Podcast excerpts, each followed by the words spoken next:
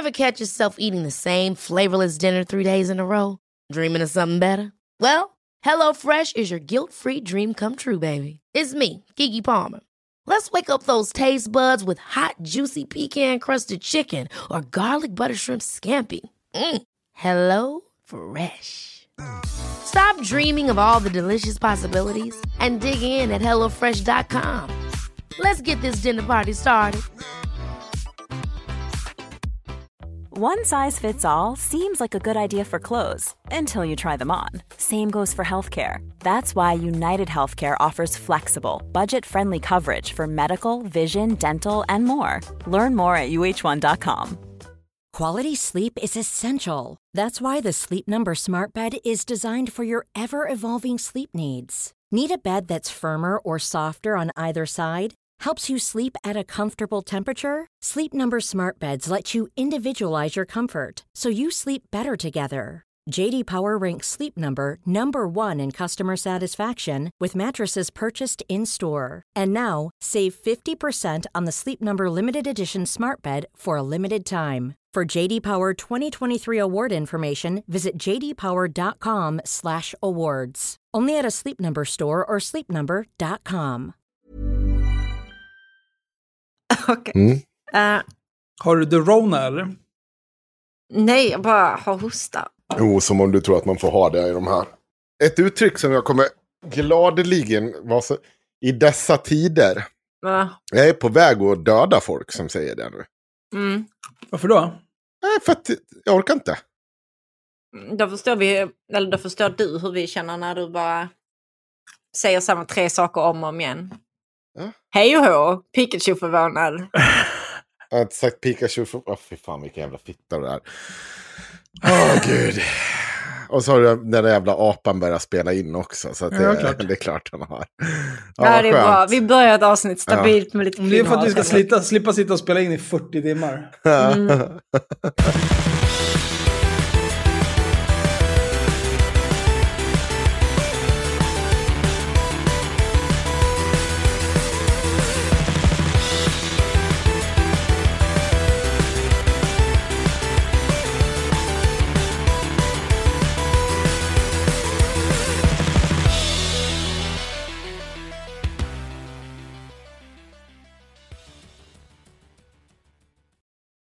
Vad kul att se dig Axel. Framförallt att du är vaken. Ja, så kul. Ja, så kul. För sist då var du inte så vaken när jag såg det sista jag Nej. såg av dig. Hur Jag älskar hur du bara kom närmare och närmare kameran ju mer du somnade. Så till sist såg man liksom bara så här ögonen upp och så bara... Så, Så för första gången när vi har liksom betalt någon för att komma och göra någonting. Va, vad gör du då Axel? Eh, tröttnar efter tre timmar. Helvete vad tid det tar. ja. Kommer ju bestrida den där fakturan, det fattar du själv. du kastar ju också i dig två flaskor vin. Ja, det var för att jag ville in i dimman. Ja, Jag tyckte det var ett skitintressant avsnitt. jag också. Men det var bara någon som satt och grinade de sista 30 minuterna. Ja, men det tog, det tog, det tog för eh, lång tid. Jag tyckte verkligen att Mikael var skitbra. Jag med. Och det vi pratar om är alltså den granskning som kommer i juli av Aron Flams bok. Eh, så att det, den kommer finnas allmänheten till, tillgänglig också. Pöbeln. Pöben, ni som inte har blivit Patreon, men ni som blir Patreon, ni kommer snart få höra Sommarkatten. Eller ni kommer få höra det när det här avsnittet kommer ut. Då kommer det finnas på Patreon också. Jävlar vad snygga bilder vi har. Jag lyssnar på första avsnittet. Det är mycket nöjd med det här. Andra avsnittet är det. Andra avsnittet, ja. Nu har de riktigt ljud Nej, det också. tredje beroende på hur man räknar. Ja. Och det är så himla bra att vi inte ens har koll på vilket avsnitt det är. Ja, men vi Men de vet, gjorde men... ju ett med bara Karo och Hanna. Ja. Eh, Och mig. och sen, sen, ja, just det, med Henrik också. Så det och gills inte? Gjorde de ett, nej, men det gills inte. Sen gjorde de ett till, och det är väl det första. Mm. Och nu har de gjort det andra, som är det tredje, eller det andra, beroende på hur man säger. Ah. Ja, det Det tredje mycket... blir det första som släpps offentligt, inte bara till en testpublik, eller? Mm. Nej, de, det, det släpptes på Patreon också. Ja, Aha, okej. första är all, alltid... Varför blev jag ens Patreon om jag inte har koll på vad som händer på Patreon? Ge tillbaka mig mina pengar. Aldrig. Jag undrar om det ens har dragits någonting sen jag blev Patreon sist. De här 10 kronorna. Jag vet Mm. inte. Nej. Ah, Och på tal om det så kan vi än en gång uppmana att alla att byta från dollar om ni råkar ha det kvar som valuta eller euro. Ni kommer spara pengar om ni gör så. Inte om man betalar i dollar i och för sig. Nej, men det var det är fan på tiden om man byter ändå. Den där jävla skitvalutan från det där jävla u-landet. Då kan det dra åt helvete. Vet du vad jag har gjort idag då? Nej, Jag har precis sålt min båt. den utan motor. Va? Sluta! Jag har... Den är så jävla hel var den nu när jag sålde Ah, den. okej. Så var det? jävla hel. Men köpte inte du den här båten förra året? Och så var det exakt samma båt som du hade innan, som du precis hade sålt. Ja, Ska du det- köpa en likadan båt nu igen? Nej, det ska jag inte. Nu ska jag köpa en större och lite... Eller, Han ska köpa en likadan med touchpad. ja, för 400 000. Ja. Sålde den här båten för 50 och nu ska du köpa en för en halv miljon. Inte fan sålde jag den för 50.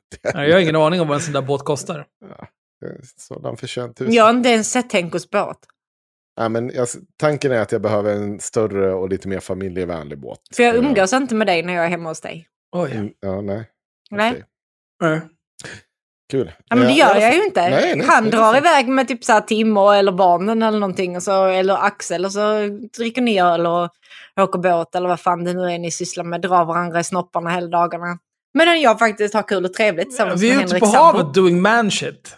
Ja, Mest är- skriker och vill kissa. Det, fin det finns ändå ingenting som skriker mer eh, ute på havet och jag manshit än Axel. Det känns Ax- verkligen... Axel sitter och säger att han inte behöver någon, någon typ av form av, vad heter det? Smörj. Solkräm. Solkräm. Jag behöver ingenting. Laddar upp Lämna mig i hela här. huden. Ja, jag behöver inte solkräm om du vill dö. Så det bästa med att åka omkring där, det är ju att prata med de som bor längs med vattnet. Så här, Vaha, vad, vad håller ni på Vad bygger ni där? Ska det bli en bastu eller? Gud vad trevligt. Och så står de där. Ja, det ska bli en bastu. Det gillar du va lilla horunge. Kan du sitta där med din enkla lilla båt? Ska vi gå in i min bastu här? Ja, men, Fan, de är så, så jävla vidriga alltså. Jävla sjömänniskor. Vidriga. jag, jag ska köpa en lite, jag, jag, jag ska åka och titta på en båt redan imorgon faktiskt. Och, um, det är inte, jag har inte råd med några jättestora grejer här. Det blir inte, jag hade behövt tänkt om mina livsprioriteringar här om jag hade haft en, behövt en större båt. Men det blir en, eh, en, en lite, inte så En marginellt större, större båt. Marginellt större båt, men bättre liksom anpassad för att sitta fyra vuxna på ett helt annat sätt. Och faktiskt ha lite, och ha som en liten koj också. Som Mm. man skulle kunna övernatta i, två personer. Ja, vad Mm. kul det Mm. låter. Mm. Ja. ja, det låter ju inte alls som någonting man får dödsångest av. Det var, jaha. Var är du någonstans? där? jag är en liten dödsfälla mitt ute på öppet hav. Ha, varför då? Nej, jag vet inte. Jag har en dödsönskan antar jag. Hur ska du komma ut på öppet hav ifrån Avesta? Det, vi- eh, det går. Det går. Eh, Ja, går men att- din lilla skitbåt som inte ens har en touchscreen. Okej. ja, men det finns... eh, Får vi köra båten till någon typ av hav? Okej. Väl, Atlanten är väl västerut? Det är bara lösa. Kul att dela med sig. Hur har det, varit, hur har det gått med dina grisar, Sanna? Det går jättebra med mina grisar. Jag Gör det är, verkligen? tar så jävla mycket stryk. Jag, jag är så himla ur form så att jag hela tiden känns det som att jag har gått och boxats mot Paolo Roberto varenda dag jag kommer hem. Okej. Jag behöver ju använda muskler nu, det är jättejobbigt. Men Ja. eh, det är kul. Jag har börjat få göra saker lite själv på jobbet. För de har förhoppningsvis insett att jag inte är helt efter. Så att jag, eh, idag så fick jag faktiskt tid att gå lite för mig själv och lyssna på podd och göra mina arbetsuppgifter. Eh, tänkte jag, fan vad trevligt det ska vara. Så började jag lyssna på Sekta, som jag tycker är fantastisk. Jättekul hade jag. Sen kom jag bara till avsnitt jag redan har lyssnat på. Jag bara, ah, men vad ska jag lyssna på nu? Nej, men jag kan väl lyssna klart på den här jävla skiten jag påbörjade häromdagen. Så lyssnade jag resten av arbetsdagen på Cissi Wallin hos Navid Modiri. Mm. Och bara gick och skrek lite randomly rakt ut sådär. Nej! Nej men vad fan! Nej, så kan du inte säga. Så, typ så gick jag runt och skrek. Det där är jag ute i skogen när jag går. Ja, ja, men jag kände mig verkligen som. Henrik. Jag var oh my god. Och det var ju tur att jag ändå gick och jobbade ensam. Att det inte var så många andra precis i det stallet som jag var i. För att alltså, ja, det var ju pinsamt. Jag, jag tror att vi kommer, göra, vi kommer ju inte göra som vanligt. eh, Vi kan, vi kan ju nämna några ord om det. Men vi kommer inte göra som vanligt att vi sitter och trycker sönder. Alltså bara spelar upp, dumförklarar, spelar upp, dumförklarar, spelar upp. Nej. För, för att grejen är så, i princip allt det hon säger där i, Ja, Ja, Sa vid hon ett Sarpi. eller annat tillfälle redan sågat sönder och samman. Ja, alltså, samma historia. Inklusive, kommer ni, kommer ni, ni hörde någon berätta den här historien om att de gick till eh, någon mottagning för att ifrågasätta om hon var narcissistisk Ja. psykopat. Den där historien har hon också dragit förut. Alla de här historierna liksom återkommer. Och det där har inte hänt. Det har Nej, men- inte hänt. Men också podden var ju så himla exakt en kopia av vad hon snackade om hos, eh, hos Arpi. Som jag redan Ja. hade lyssnat på. Så det var liksom, Jo, men det, det är ju samma sak med Cissi Wallin som med Paolo Roberto. ja. De, de åker på horungeturné. Och så driver de runt överallt där, där de får, får bjäbba. Ja. Och så sitter de där och är idioter. Alltså jag tror verkligen att det här är någon typ av PR-turné för eh, dokumentärerna. Hon ska pracka på folk nu. Men eh, det var ju... Det är ju himla massa... Åh nej, men jag blir ju en gudinna i feministkretsar. Och det är bara massa humble brag hela tiden. Jag blir så trött. Det där har hon också sagt hela tiden. Hon säger det jämt. Ja. Det är alltid hon försvarar sig. Nej men ni sätter mig på en piedestal. Du, din jävla horunge. Ja. Du sätter dig på den där pistolen. Du gör det här. Du springer och trycker in i knu, knytbusmanifestationen. Jag vet att ni har tjafsat om det. Jag vet att folk inte ville ha dig där. Du trycker in det i det här och det här och det här och det här och det här sammanhanget. Du vill stå i frontlinjen. Du vill leda en rörelse. Du ljuger. Du snackar skit. Du låtsas Nej, som hon att är du ingen ödmjuk. ledare. Va? Nej, hon är ingen ledare. Hon Nej. vill inte leda någon organisation. Nej, hon, absolut är, hon inte. vill inte vara chef Hon har någonstans. bara startat 47 000 organisationer men hon vill absolut inte leda eller styra Men någonting. hon säger ju Men den- det hos Navid Modiri att det var- hade hon uttalat med. hon pratade till exempel om gardet. Ja. Att de hade det uttalat inom gardet att Sissi vill absolut inte vara någon typ av ledarfigur och vill absolut inte bla bla bla bla. bla. Jag ser det i den där Ah, interna okej, konversationen. Mm. Ja, all jävla interna konversation där du sitter och berättar hur saker och ting ska kommuniceras. För att det inte ska... Ja, men det kommer ju bara Ja. rinna av henne ändå. För att, alltså, då kommer hon bara säga att nej men jag sa faktiskt det i början. Ja, och sen tog du den rollen ändå, eller hur? Så jag vet inte. Men det, är, ju- det, är det är ju än en gång, det är humble brag. Det är skitsnack. ja. Hon, gör sig, hon gör sig hela tiden. Det, det, det finns liksom ingen poäng. Vi, vi, det blir verkligen att, om, om, åtminstone när det kom till Linnea Claesson, då var det lite nya grejer som hände. Det var lite nya spännande. Så just nu går det bara i, i på repeat. Det är Ja. bara samma sn- snickesnack om och om igen. Hon liksom hänvisar till gardet. Jo, men det behöver inte bara hänvisa till gardet. Du kan hänvisa till organisation efter organisation efter organisation efter organisation som har startat upp. Som har gått åt helvete, som har gått åt helvete, som har gått åt helvete, som har gått åt helvete. I varje organisation har de ljugit, bedragit och eh, liksom Förtalat. blåst, ja, förtalat, blåst folk på manipulerat, pengar, manipulerat. konspirerat. Ja, Skorpionjävel. Ja, men och snacka skit. hon är- passar ju också på att vara transfobisk i avsnittet med Navid Modiri. Ja, men En grej jag ville säga innan det är förresten, eh, kommer ni ihåg när hon lärde sig ordet problematisk? Ja, Det, när, hon kom, när hon började använda det liksom. Och det bara Du menar när hon så... de facto började använda det? Hon, ja, men hon har i alla fall slutat använda det så mycket. Men det nya är ju sekterism. mm. En sekterism, det är ju sekteristiskt. Det är ju sekter... Man bara, alltså jag vet inte ens. Tänk att vara 36 år gammal och lära sig ett nytt ord och känna att man måste använda det i varje mening. Nej, Det är så himla sjukt. Jag blir så himla trött av att lyssna på det. Men feminismen är en sekt. Kvinnor i grupp är en sekt. De är De kan inte sekteristiska. jobba tillsammans. Nej, kvinnor de pratar ju mycket om det i avsnittet med Navid också. För han är ju mycket om, eh, inte tox, toxisk maskulinitet, för det gillar han tydligen inte säga, men skuggsidan av män. Eh, jag är ganska säker på att det är så han vill uttrycka det. Tyrannen. Eh, och de pratar ju om det och så pratar de om vad då som skulle vara toxisk femininitet eller skuggsidan hos kvinnor. Och de kommer väl ganska mycket överens om att kvinnor kan inte fungera i grupp för män bråkar. Då går de och slår varandra på käften och blö, blö, blö, sen är det löst. Liksom. Det är en man ofta som är liksom så. Men när kvinnor gör det så är det ofta de drar ihop en hel grupp och de gör de här dreven och allt det är liksom kvinnors fel i princip. Hon återkommer till de här, den här magiska kompisen som jobbar som undersköterska, som hon Mm. inte har. Eh, Jag bara förutsätter att allt är lögn och förbannad dikt som kommer. Och jag tror inte att hon, helt ärligt, jag tror inte att det här är en kompis till henne. Som hon, utan hon bara refererar till det här, för hon, hon gör alltid de här okända anonyma personerna som hon har hört anekdotiskt. Det, det har väl svämmat över i hennes inkorg. Ja. Ja, men tänk, tänk också att vara den typen av apa som kan förstöra kvinnorörelse efter kvinnorörelse efter kvinnorörelse, ställa till kaos, intriger, eh, Och sen skylla ljuga. på kvinnorörelsen. Ja, och sen bara skylla på kvinnor generellt, att det är deras fel. Men det är du din apa. Det är du din apa som går in och bränner ner varenda jävla byggnad du kliver in i. Det, gick, det gick jag och skrek till grisarna Ja. innan idag när jag lyssnade på det. För hon säger liksom det att nej men jag har varit i så himla många olika, antingen på arbetsplatser som är liksom där det är mestadels kvinnor eller bara kvinnor. Hon har varit i många organisationer där det är bara kvinnor eller mestadels kvinnor. Hon snackar ju om alla de här grejerna. Och nej, och det har aldrig funkat. Nej men vet du varför? För att du är där. Jag förstår inte. Det är du som är den gemensamma nämnaren här. Det är inte så att det är kvinnor.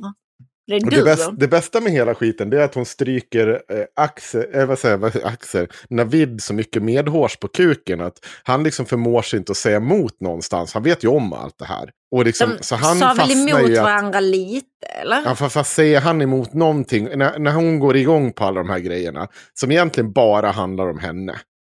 Ja. Då, han säger ju inte emot ett enda tillfälle, att, men det är ju du som är din gemensamma nämnare. Det är ju inte kvinnor generellt. Jo, du. han har, väl någon, han har väl någon harang där att han, eh, att han gillar att... Vad fan är det han säger? Han gillar att lägga ansvar, liksom. Att man ska ta ansvar. Det, detta är inte hans ord, jag kan inte hitta dem nu i mitt huvud. Men han säger någonting om att han liksom gillar att lägga ansvar där det hör hemma, så att säga. Ja. Och då säger han faktiskt till Cissi vid någon tidpunkt att du får ju också ta ett ansvar för vad som har hänt. Liksom. Det är inte bara... Jo, Eh, det, men, men det är ju väldigt milt. Ja. Det är ju inte... det är ju ingenting mot den, den tiden hon lägger på att liksom, diskutera och hålla med varandra, stryka varandra medhårs kring att det här är nog ett utfall av kvinnlig... Liksom, alltså, jag, jag kan ju säga så här, jag som ändå så, sysslar med konflikthantering på arbetsplatser, Mm. Kan ni tänka er? Vet ni, vet, vet ni vilka... Jag jobbar med kvinnor som jobbar som lokalvårdare, alltså städerskor. Mm. Vi- Eller, jag jobbar med människor som jobbar som lokalvårdare. Vilka tror ni är den dominerande gruppen där? Kvinnor. Ja, kvinnor och invandrare. Om man tar Mm. och tittar på dem. Ja, sen jobbar jag också med fastighetsskötare. Kan ni tänka er vad den dominerande gruppen är där? Vita män. Ja. T- tror ni att det är någon större skillnad på de här grupperna i form av bråk och intriger på arbetsplatsen? Nej. Nej. Margie fucking Nelt skulle jag säga. I sak så är det väl lite, det finns en skillnad på hur bråken är. Mm. Absolut. Men man ska också komma ihåg att då är det skillnad också på i nästan 30 000, eller vad säger jag, vad säger jag 10 000 kronor i lön på de här två grupperna också. Mellan 5 och 10 000 är det löneskillnad. Så ni kan ju tänka att intrigerna på en arbetsplats där du tjänar liksom max 24-25 000 kontra en arbetsplats där du tjänar mellan 30 och 35 000. Det är viss skillnad på de typen av intriger. För det här kanske handlar om helt andra saker. Det är, det är liksom en hel samhällsklass i skillnad. Mm. Eh, men, men tro mig, jag har intriger som handlar liksom om eh, romantiskt tjafs, liksom där det är bara karar inblandade, till att det är liksom, eh, ja men det här små tjafset som man tror att eh, det bara finns liksom på kvinnodominerade. Ja, absolut, det finns en, som än en gång, det finns en liten skillnad kanske, om jag slår ut det på alltihopa, i vad de tjafsar om. Men att inte tro att det intrigas och håller Ja. på.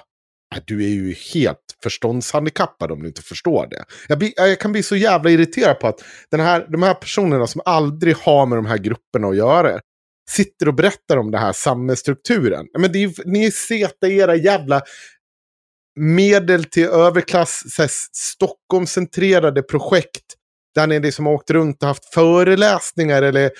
Jag menar, ni har inte stött på de här människorna.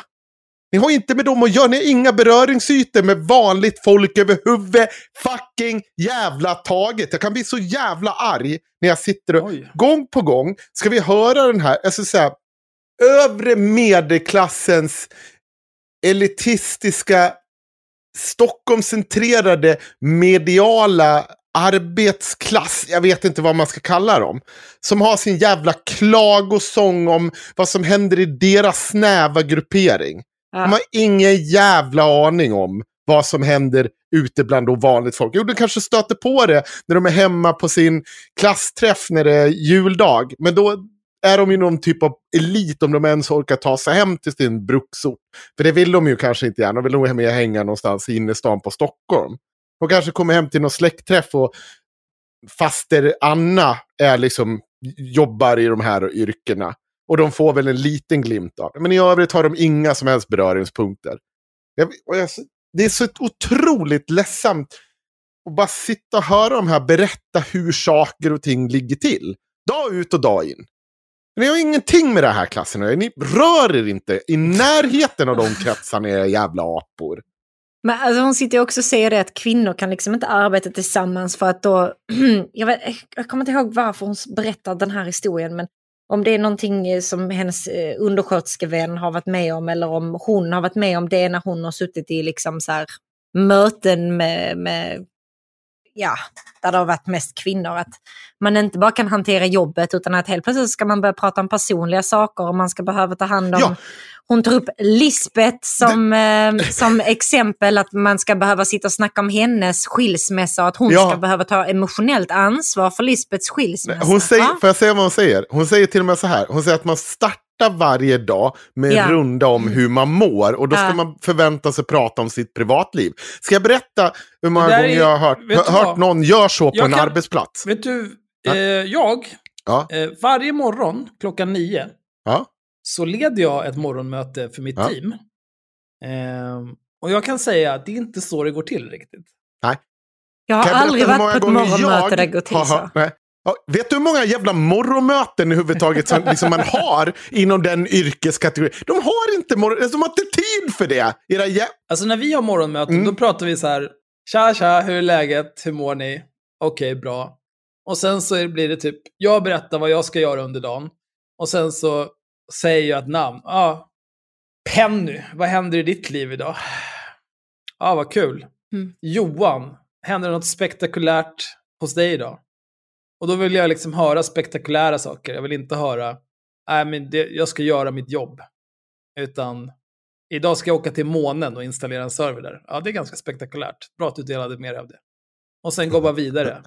Och sen när alla har sagt sitt, då säger jag, är det någon som har något mer att vill tillägga? Nej, okej, okay, bra. Då önskar jag lycka till och så hörs vi under dagen. Ha det bra, hej. Det är inget så här, ja men Berit, hur går det med skilsmässan? Kommer ni överens om hur ni ska göra med sommarstugan? Nej. Nej, men alltså, det är det som är så sjukt. Alltså, jag, kan, jag kan tänka mig, är man en väldigt liten arbetsplats, och för Navid säger ju också i det avsnittet att det låter som våra morgonmöten. Alltså ja. som de har på Hur kan vi? Och då säger Cissi det, ja ah, men då är ni ju säkert vänner liksom. Och det förvånar mig inte överhuvudtaget att Cissi aldrig haft en vän på en arbetsplats.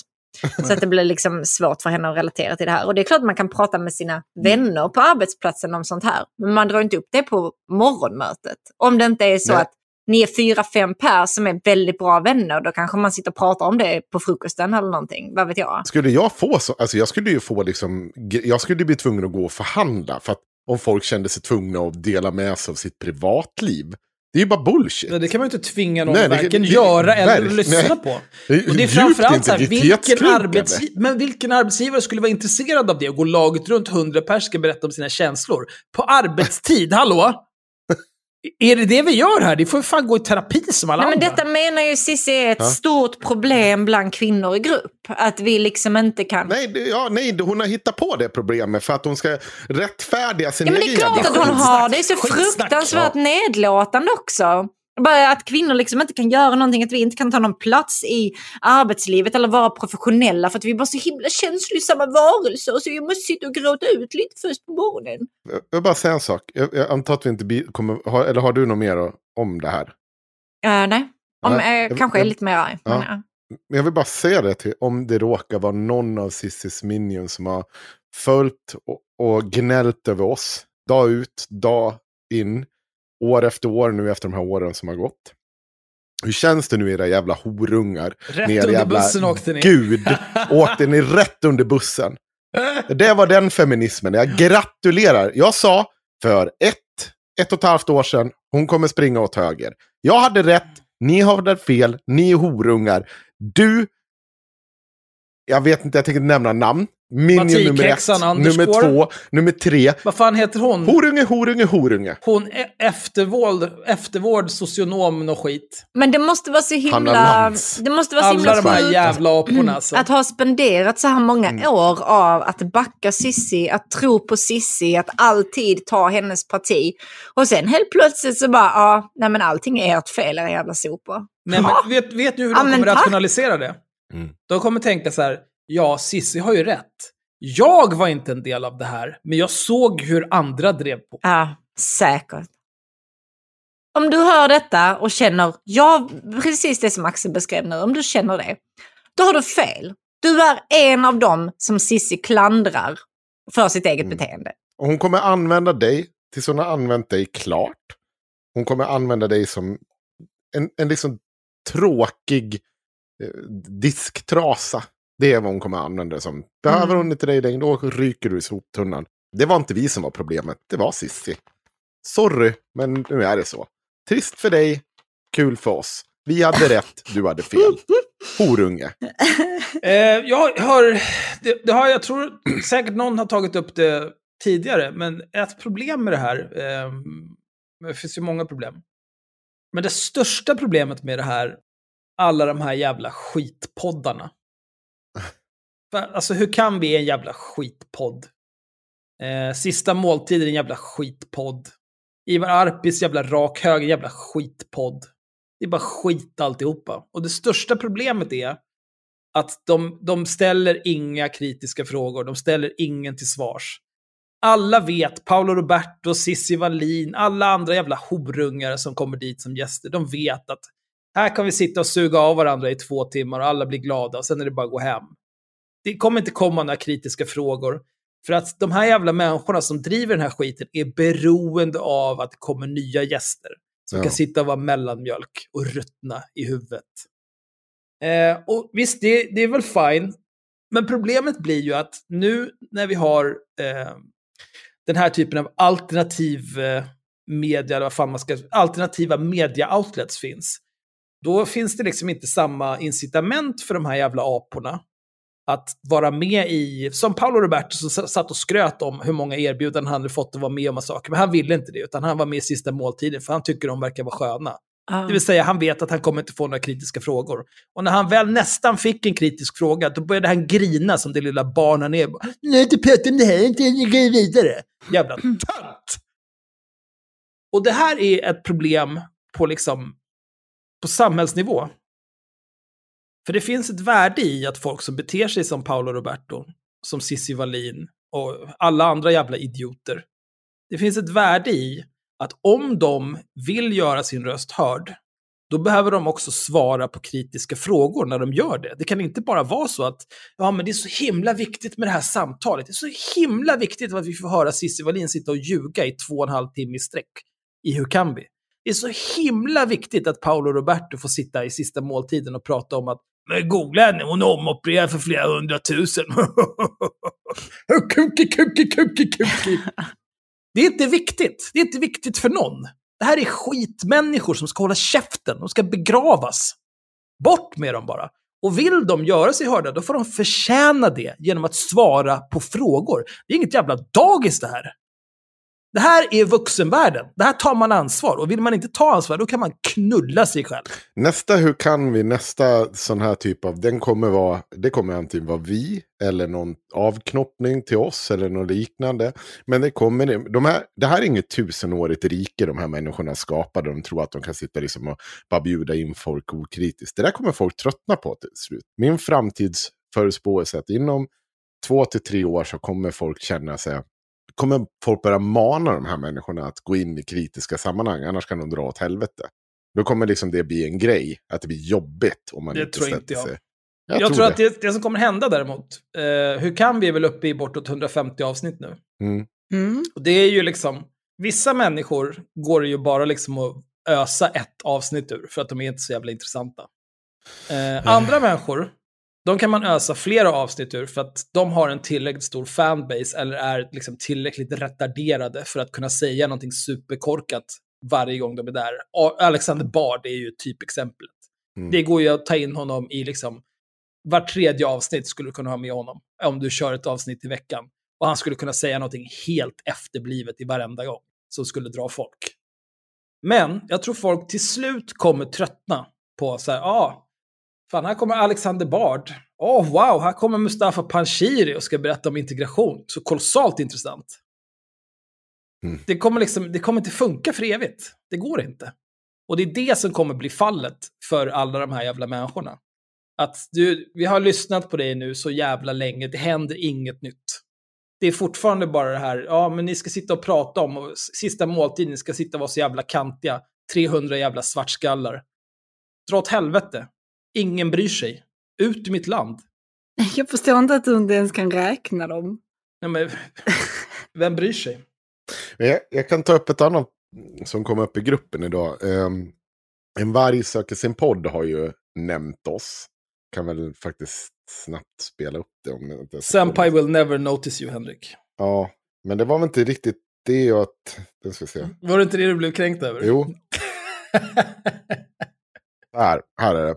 De sitter och pratar om lite cancer culture och, och hela... Just det, jag har en grej till avslutningsvis om det här. Eh, det, det är ett, eh, ett case för public service.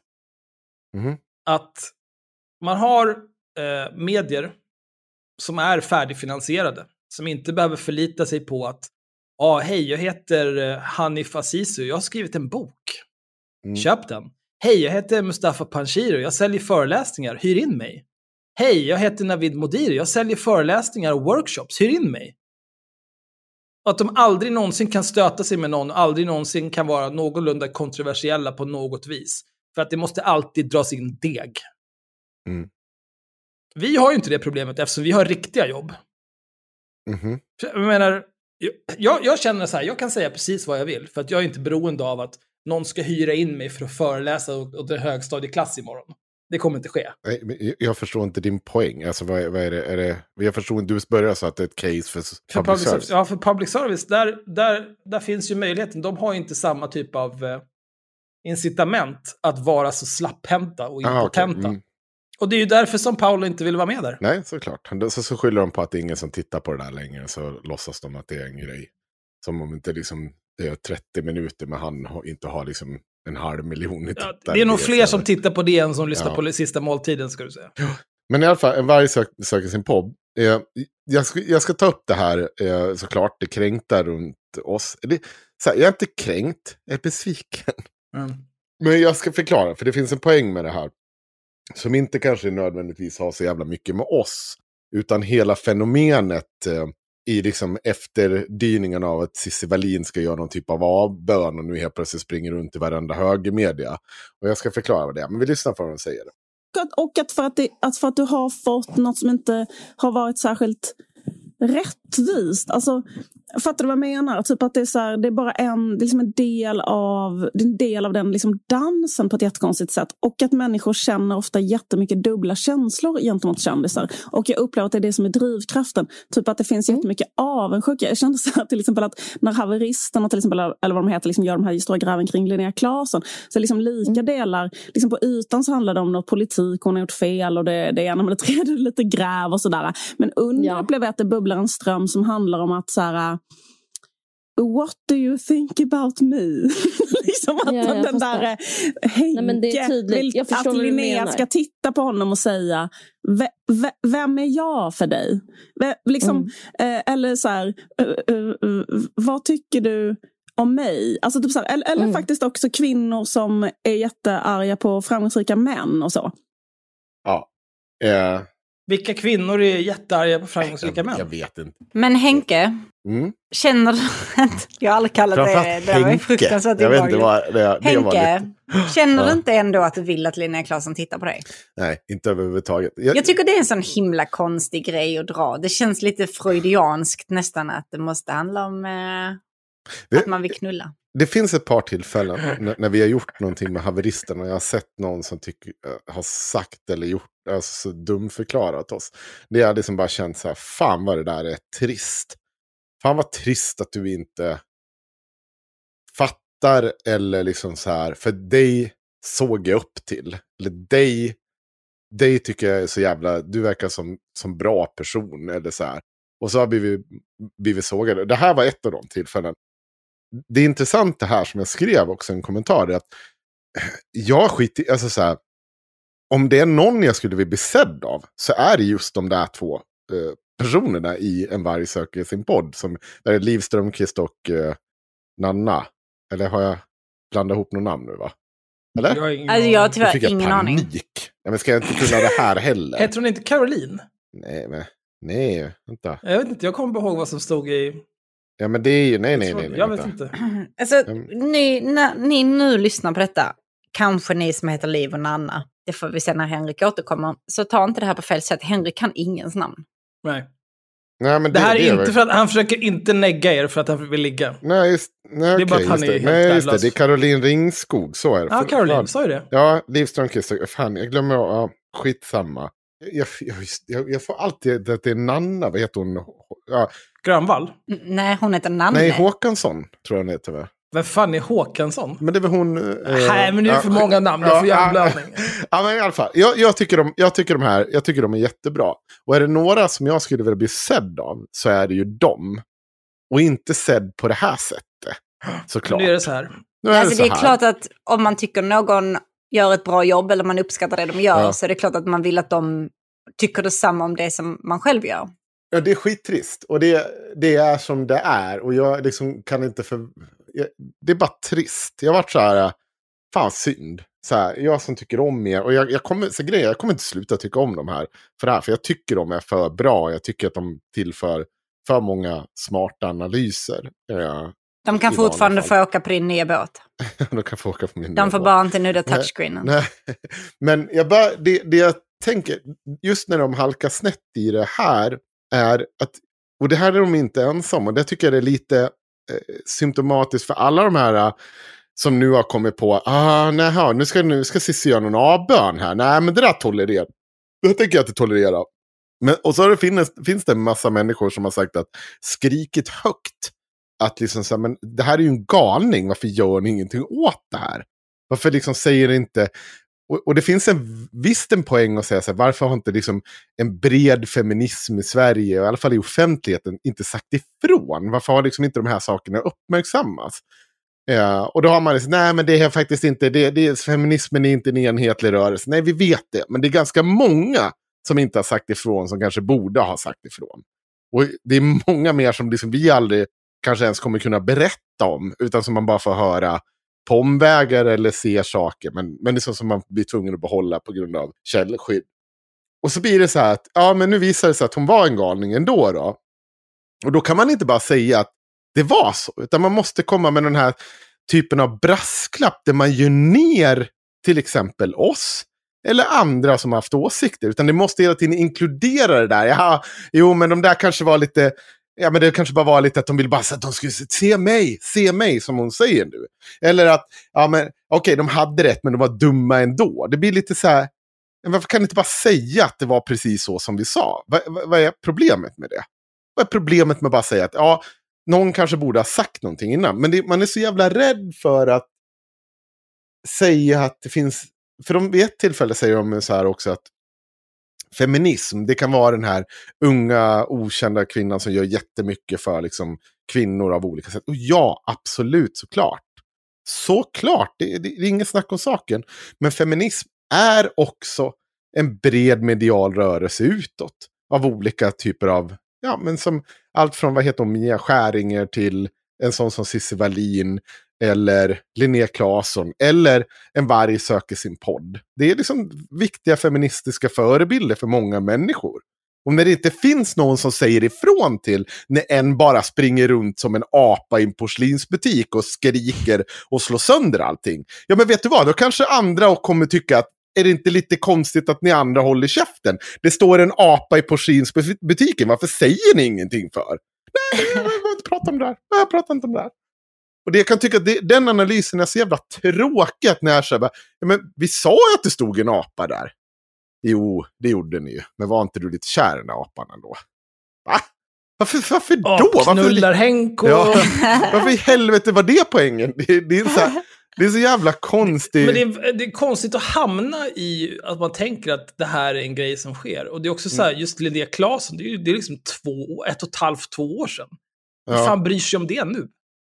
Jag, jag vet inte. Det, det jag tycker det bara att, jag, jag tyckte det var tråkigt och jag tycker att det är liksom trist att man inte kan komma längre i att, ja ah, men okej, de hade en poäng.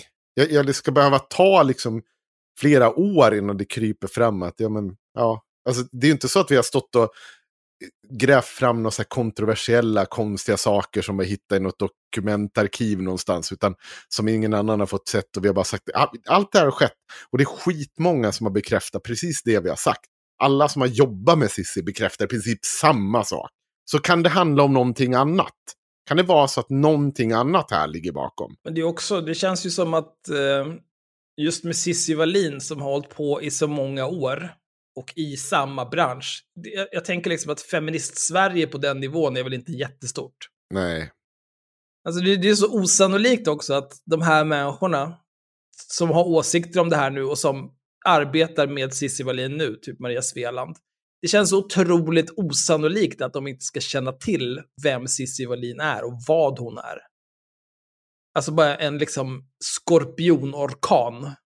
Ja. Ja, jag vet inte. Va- Varför då hålla på och, och tjafsa om det? Jag vill bara acceptera. Cissi Wallin är ett jävla äckel.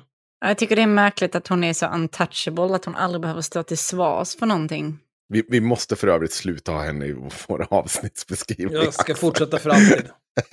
du får fan sluta med det här. Nej, vad ska hon göra? Ja, Snart kommer vi inte få vara med på någon lista. Jag skiter i deras Vi jävla inte listor. Jag har ett riktigt jobb. Ja, men vi andra vill att våra avsnitt ska lyssnas på. Nej, aldrig. Nej, Vadå? Förra avsnittet finns med överallt. jo. Nej, men jag bara säga att det kommer hända till sist. Så kommer vi åka.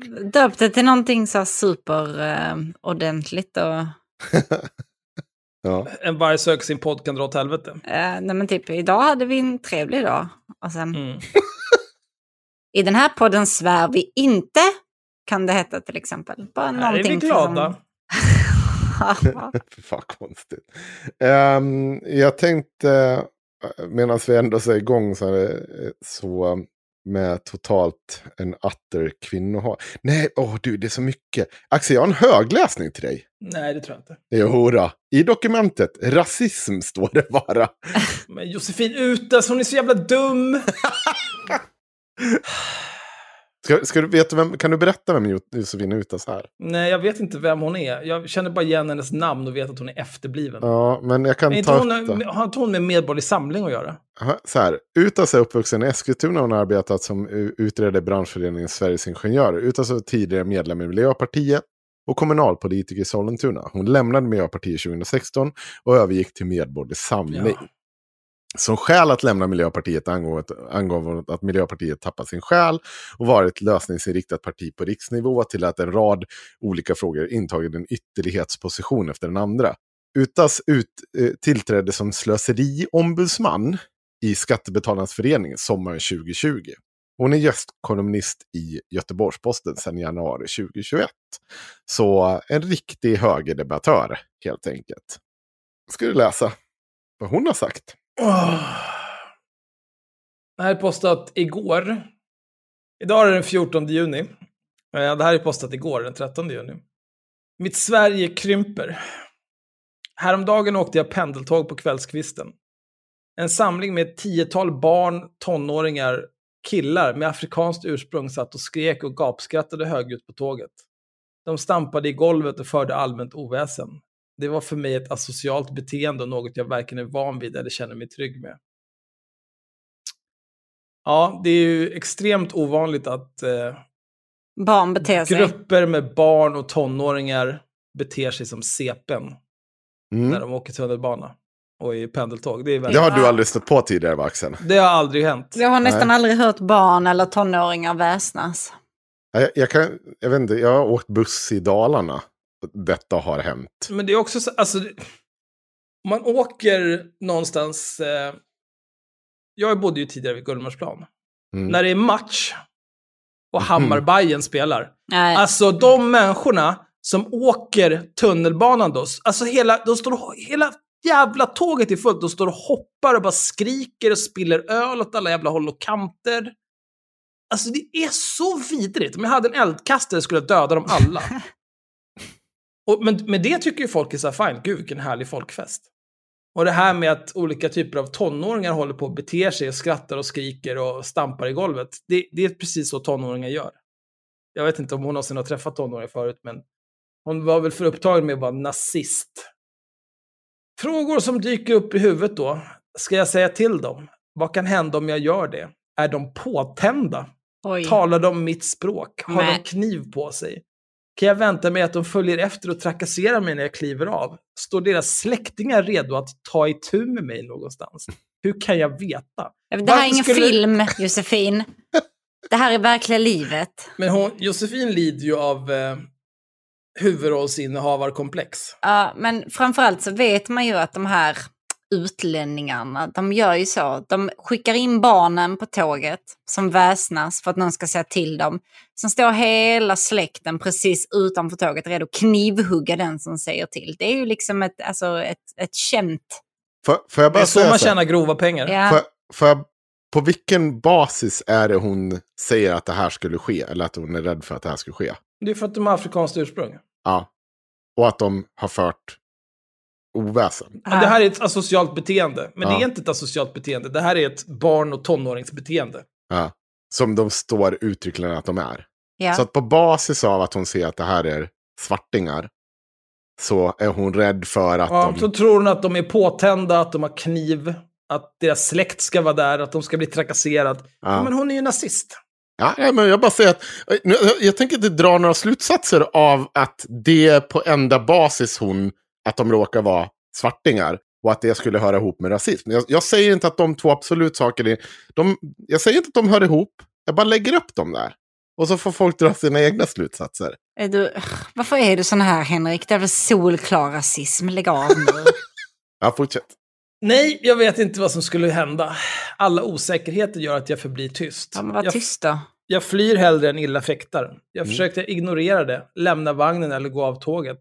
Med tanke på hur många fler i vagnen som inte sa till dessa ungdomar så tror jag att det fanns många fler som tänkte som jag i vagnen. Ja, eller så brydde de sig inte för att det är barn och ungdomar och man bara, ah, nu är barnen igång igen. Hade jag trott att ungdomarna på tåget haft samma bakgrund som jag är sannolikheten större att jag hade lagt mig i på något sätt.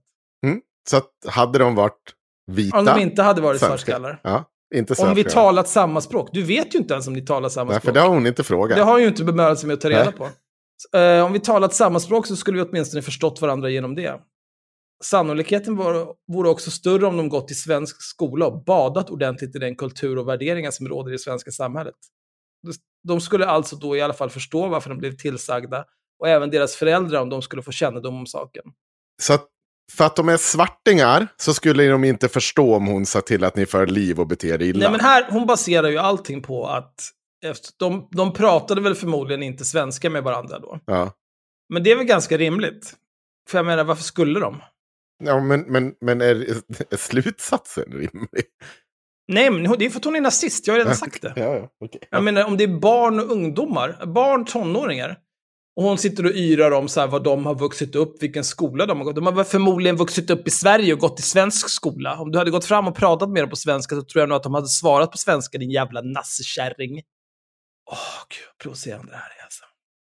Med stor sannolikhet hade de då, då inte heller någon klan bakom sig som sysslar med egen rättsskipning, eftersom det inte varit vanligt i Sverige med sådant OSV. Vad fan pratar de om? Självklart tänker jag också på hur brottsligheten utvecklas i vårt samhälle med skjutningar, bomber och andra våldsdåd. Det är inte gemene infödd svensk tonåring som går beväpnad på stan. Eller som dominerar i gängkriminalitet och liknande. Vi har fler människor än på länge i Sverige som saknar gränser. De bränner ner socialtjänstens bilar eller rånar barn. Vill jag bli deras offer? Nej, jag vill att mina barns mamma ska komma hem helskinnad. Herregud alltså. Baserat på samma känsla av osäkerhet och otrygghet väljer jag av olika skäl bort vissa färdvägar hem med kollektivtrafiken. Vissa gallerior, torg, stadsdelar, städer. Jag lämnar fysiskt delar av Sverige.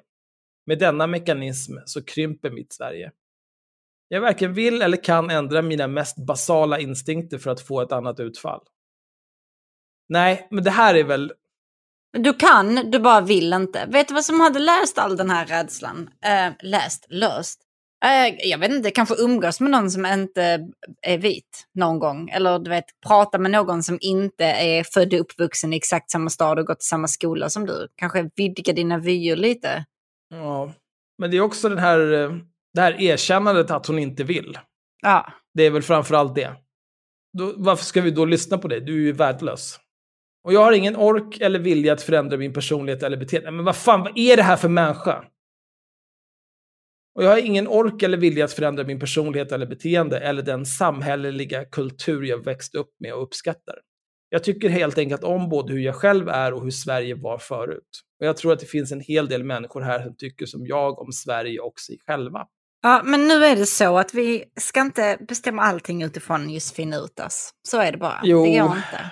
Jo, absolut. Nej, ja, det här med att hon hade, vad, vad, vem var det som sa det, huvudrolls... eh, Huvudrollsinnehavarkomplex. Ja, det är exakt eh, vad hon har. Mm. I den politiska debatten talas det om segregation som en mystisk ond ande som ska bekämpas. Men segregationen är bara resultatet av människors beslut och beteenden. De använder den frihet som de ännu har. Oj, är det ett hot eller?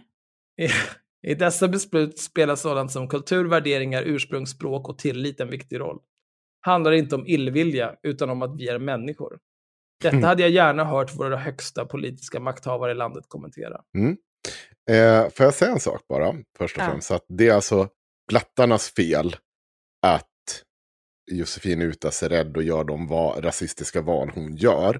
Genom att för, förutsätta att de är typ olika typer av brottslingar som är ute efter att mörda. Likaså deras släkt. Alltså hon drar ju in hela deras släkt i det här. Att det är en bunt klanmänniskor som liksom är villiga att döda och att hon riskerar livet om hon säger från att de för för mycket liv på tunnelbanan. Mm. Eh, det är vad hon säger. Och så säger hon så här, det sista hon gör. Detta hade jag gärna hört våra högsta politiska makthavare i landet kommentera. Som av en händelse så har en av dessa makthavare, utta- makthavare uttalat sig i kommentarsfältet. Vet ni vem? Jessica J. Jag ska starta ett eh, vitt kollektiv i en svensk småstad och skicka ut och begå brott mot grundlagen. Stegrud, hon är då Europaparlamentariker. Hon skriver så här för Sverigedemokraterna, nazisterna såklart. Oj, vart ni kränkta för att vi kallar er nazister? Nej, men jag är ju rädd för er. Jag möter er på tunnelbanan så jag kan inte sitta där. Jag, jag känner ju bara att ni är förmodligen nazister allihopa och det måste jag få känna. Det är ert fel. Mm. Ja, men Jimmy Åkesson har ju faktiskt sagt att de kommer aldrig Nej. lämna sina rötter. Och det är ju nazister. Så här, håller, så här håller, säger nazisttaggan om det här. Håller helt och hållet med dig. Det är både en sorg och en ilska över att vi är där vi är nu. Och att det kommer bli värre innan det eventuellt vänder. Det är som det vore en naturkatastrof som slagit till och ledande politiker och etablissemang står handfallna. Trots att de både bär ansvaret och sitter på möjligheten att förändra.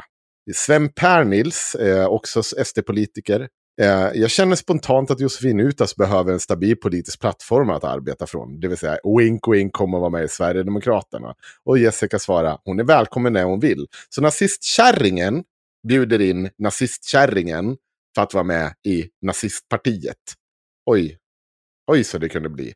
Det är nästan som man kan tänka sig att Sverigedemokraterna är rasister på den absoluta toppnivån, till exempel nere i EU. När de sitter bara och dömer människor på grund av hudfärg. För det finns inget annat här i. Personerna har låtit för mycket. Och när de har låtit för mycket så har man dömt dem på hudfärg. Och det finns en klan. Alltså allt det. Det här är rasism. Jag vet inte hur... Så här, dina fördomar kan vara rasism. Jag vet inte om det... Det, det, det, det är inte jättesvårt. Om du dömer en bunt människor på grund av deras... Alltså, de, du ser att de är från ett annat, de är svarta. Och så tänker du att nu kommer de här människorna att döda mig. Och deras hela familj är någon typ av klankultur som om jag säger till dem att de väsnas för mycket så kommer de, deras familjer kommer att döda mig. Ja, Det är rasism! Jag vet inte. Ska jag behöva... Är det, är det liksom, är, eller är det bara att du måste stå och skrika Sieg Heil idag för att någonting är rasism? Vilken otroligt Ja, oduglig människa. alltså, ja, det här var bedrövlig text. Helt sjukt, men hon jobbar åt Göteborgs-Posten. Här typen Ja. av... Och vi, ja, men än värre för övrigt, det, det kan vi också lägga till. Eh, 4100 likes, 1807 delningar. Mm. Mm. Det är inte den lilla mängden personer som Genskräp. tycker att det här är det bästa som har hänt sen skivat bra. Jag tror att det finns fler. Jag ska kolla lite på likes. Men det här hade ju kunnat kanske vara en grej om, om det här faktiskt hade hänt. Då hade Ja. man ju kunnat kanske skriva om det. Kommer Men det här Erik- är ju bara liksom eh, eh, hennes jävla hjärnspöken. Ja, kommer ni ihåg Erik, eh, ja, man ska lösa saker som svensk. Vander Heg, han är också med här under likeslistan. Nej, klart Jag tror också nej. han har varit med och kommenterat här. Det känns väldigt osvenskt det här. Men nej, nej, det är visst. Det är så här det ska vara. Men det känns väldigt svenskt att sitta och titta vem som har likat vad och inte. Det, för mig hade det varit mer så här att det finns en otrygghet. Jag tror inte man ska säga otryggheten av människor i grupp som beter sig högljutt och liksom så här stökigt. Det är liksom inget konstigt i det. Det konstiga är att de här slutsatserna hon drar av det. Jag har inget problem med att kvinnor, framförallt kvinnor kanske, inte är jättepepp på att liksom säga till män i grupp att du ni för ett jävla massa liv. Och att man är ris- rädd för risken för liksom, olika typer av konsekvenser. Men, men här är ju konsekvensen, den är så jävla urflippad. Och den är så tydligt kopplad till hudfärg. Alltså, det Jag hade varit betydligt mer rädd att säga till jävla bayern supportrar på en matchdag med x antal öl inkastade i ansiktet att de skulle hålla käften på tunnelbanan än vad jag hade varit och sagt till ett par, jag vet inte, afrikanska tonåringar. Ja, jag, jag, jag, jag har inte... Jag säger så här, och det, det, det är också en grupp, men jag tänker mer att problemet här ligger liksom... Det, det är som att det står stopp i hudfärgen. Och man liksom aldrig diskuterar det här, vad som händer när män i grupp och du är en ensam kvinna. För, för det är som att det, bara, det här sker bara hos svartingarna. Som liksom det här blir. För det är ju det det kokar ner till. Jag sitter ju inte här och säger svarting för att jag vill liksom säga ett rasistiskt uttryck. För det är ju det, är ju det här hon menar. En bunt svartingar här. Det är ingenting annat. De här människorna är avhumaniserade liksom ända in i... Det är samma sekund som hon kliver på den här jävla tunnelbanevagnen. Eller de kliver på. De, de kommer med hela det här oket av att ja, men det här kommer nog från förorten. Och då kommer det nog, finns det nog vapen på. Och sen finns det nog en familj som står och väntar där. Och så finns det knark. Och så finns det allt det här. Och de kan nog inte ens svenska. Jag har inte liksom ens fråga. Nej. Det är väldigt många antaganden. Ja. Ja.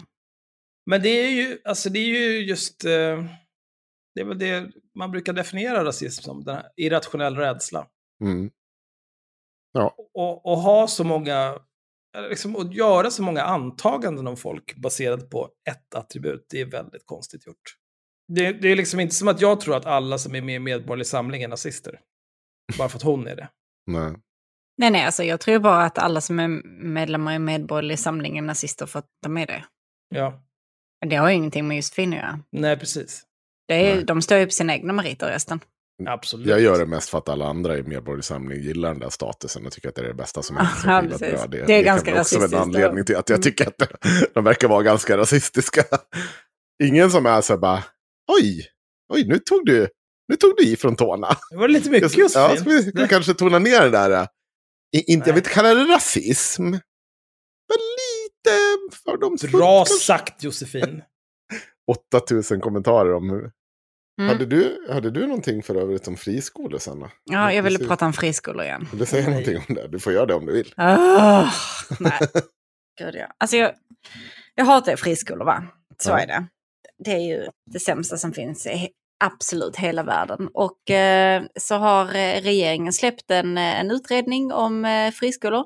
Och det har ju nu KDs, eh, en, en, en, en KD, jag vet inte vad han är. En KD. K- En, en KD-politiker. Ja. Ja. Han kommer från Kristdemokraterna. Han tycker ju att det här är en fruktansvärd utredning. För att utredningen har kommit fram till i princip att eh, det ska fortsätta vara eh, fritt skol skolval. Man ska kunna välja var man ska gå. Eh, är det sen för många som söker till en specifik skola så kan man välja att använda några av urvalsgrunderna syskonförtur, geografiskt baserat urval, kvot eller skolspår och så vidare. Och så vidare.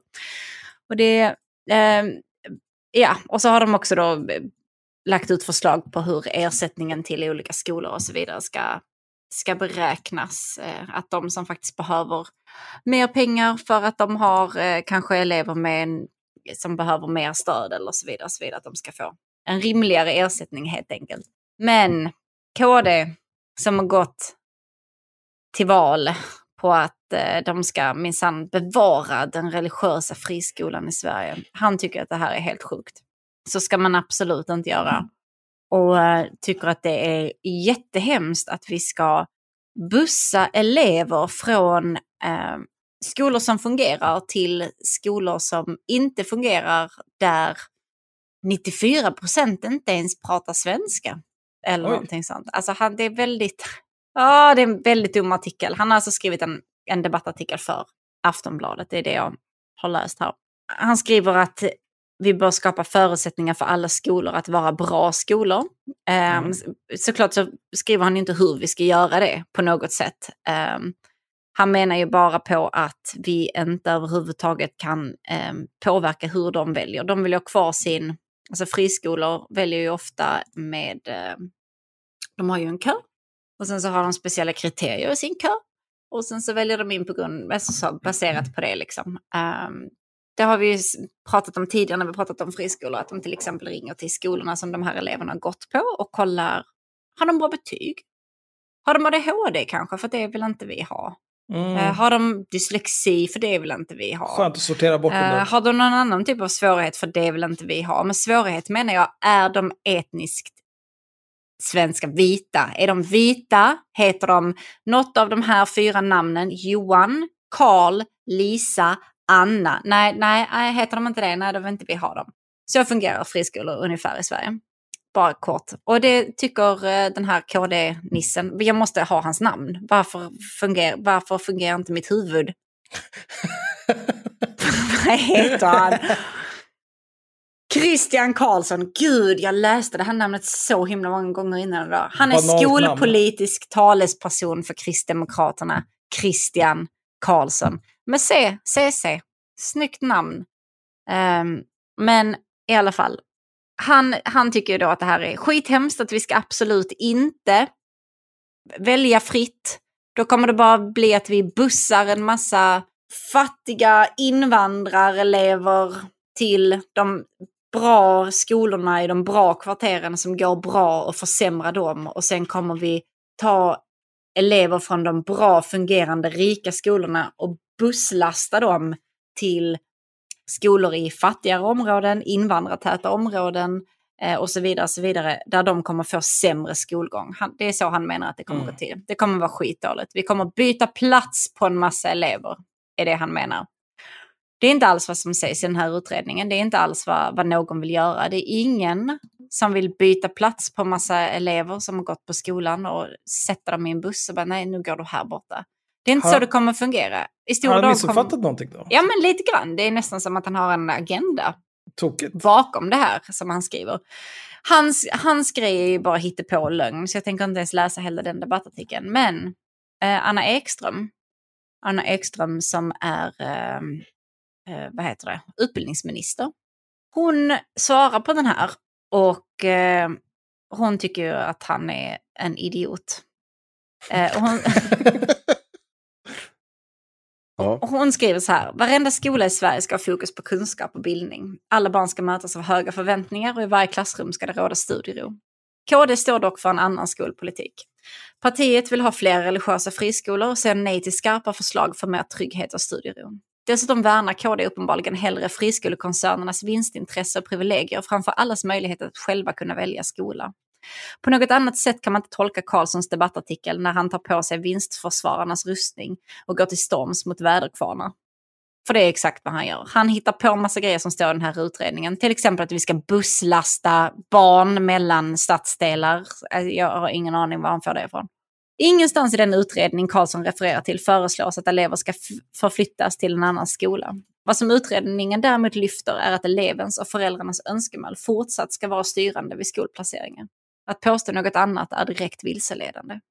Låt mig vara tydlig. Elever ska kunna välja skola, men skolor kan inte, ska inte kunna välja elever. Att friskolornas egna kösystem begränsar valfriheten för många elever är ett faktum. Mm. Speciellt nu när allting som rör friskolor har blivit affärshemligheter. Om man liksom inte ens kan se till exempel hur det går för elever som går där, vad har de för betyg och så vidare. Som du kan på alla andra kommunala eh, skolor så kan du se hur, hur det ser ut där. Men det kan man inte för nu är det affärshemligheter, inte barns utbildning vi pratar om. Alltså jag, blir, åh, jag är så trött. Vi har pratat om friskolor tidigare avsnitt så jag tänker inte bli helt långrandig om allt det här. Men det är så dumt. Valfriheten kan utvecklas och jämlikheten kan öka om skolvalet görs fritt och rättvist för alla elever. Och för mig som socialdemokrat är en rimlig grundprincip för ett skolvalssystem att alla barn har möjlighet att delta på lika villkor. Så ser det tyvärr inte ut idag. Det är inte eleverna eller lärarna som är skolans problem. Problemet är att det är många politiker på högerkanten som under lång tid betraktat skolan som en tjänst på marknaden och inte velat ta itu med bristerna. Det har bland annat lett till att elever ses som kunder, att lärarrollen devalverats och ett förytligande av skolans kunskapsuppdrag. Får, får jag Det- bara stanna en sak? Ja. Det här är ju också sossarnas brist. Vad Ja, fan alltså, har ni jag- gjort åt det då? Ja, Va? precis. Jag tänker inte sitta här. Men vi kan, ta, vi kan ta, Ja. diskutera det sen, för det är inte lång tid kvar. Hey, I'm Ryan Reynolds. At Mint Mobile, we like to do the opposite of what Big Wireless. They charge you a lot, we charge you a little. So naturally, when they announced they'd be raising their prices due to inflation, we decided to deflate our prices due to not hating you. That's right. We're cutting the price of Mint Unlimited from $30 a month to just $15 a month. Give it a try at mintmobile.com slash switch. $45 upfront for three months plus taxes and fees. Promo rate for new customers for limited time. Unlimited more than 40 gigabytes per month. Slows. Full terms at mintmobile.com. Here's a cool fact a crocodile can't stick out its tongue. Another cool fact you can get short term health insurance for a month or just under a year in some states. United Healthcare short term insurance plans are designed for people who are between jobs, coming off their parents' plan, or turning a side hustle into a full time gig. Underwritten by Golden Rule Insurance Company, they offer flexible, budget friendly coverage with access to a nationwide network of doctors and hospitals. Get more cool facts about United Healthcare short term plans at uh1.com. Det är inte konstigt att inget annat land i världen har velat kopiera Sveriges marknadsskola. Frågan man bör ställa sig är vems ärende KD nu går. Stödet för att ta bort friskolornas egna körer är massivt bland remissinstanserna, inte minst från elevorganisationerna. Däremot motsätter sig de stora friskolekoncernerna förslaget.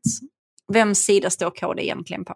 Och precis som du säger här så, eh, jag tänker liksom inte ge mig in i någon vidare debatt hur, hur skolsystemet i stort ser ut, för att det saknas mycket där. Det kan vi kanske alla vara överens om. Det, Mm. det är problem med svenska skolan.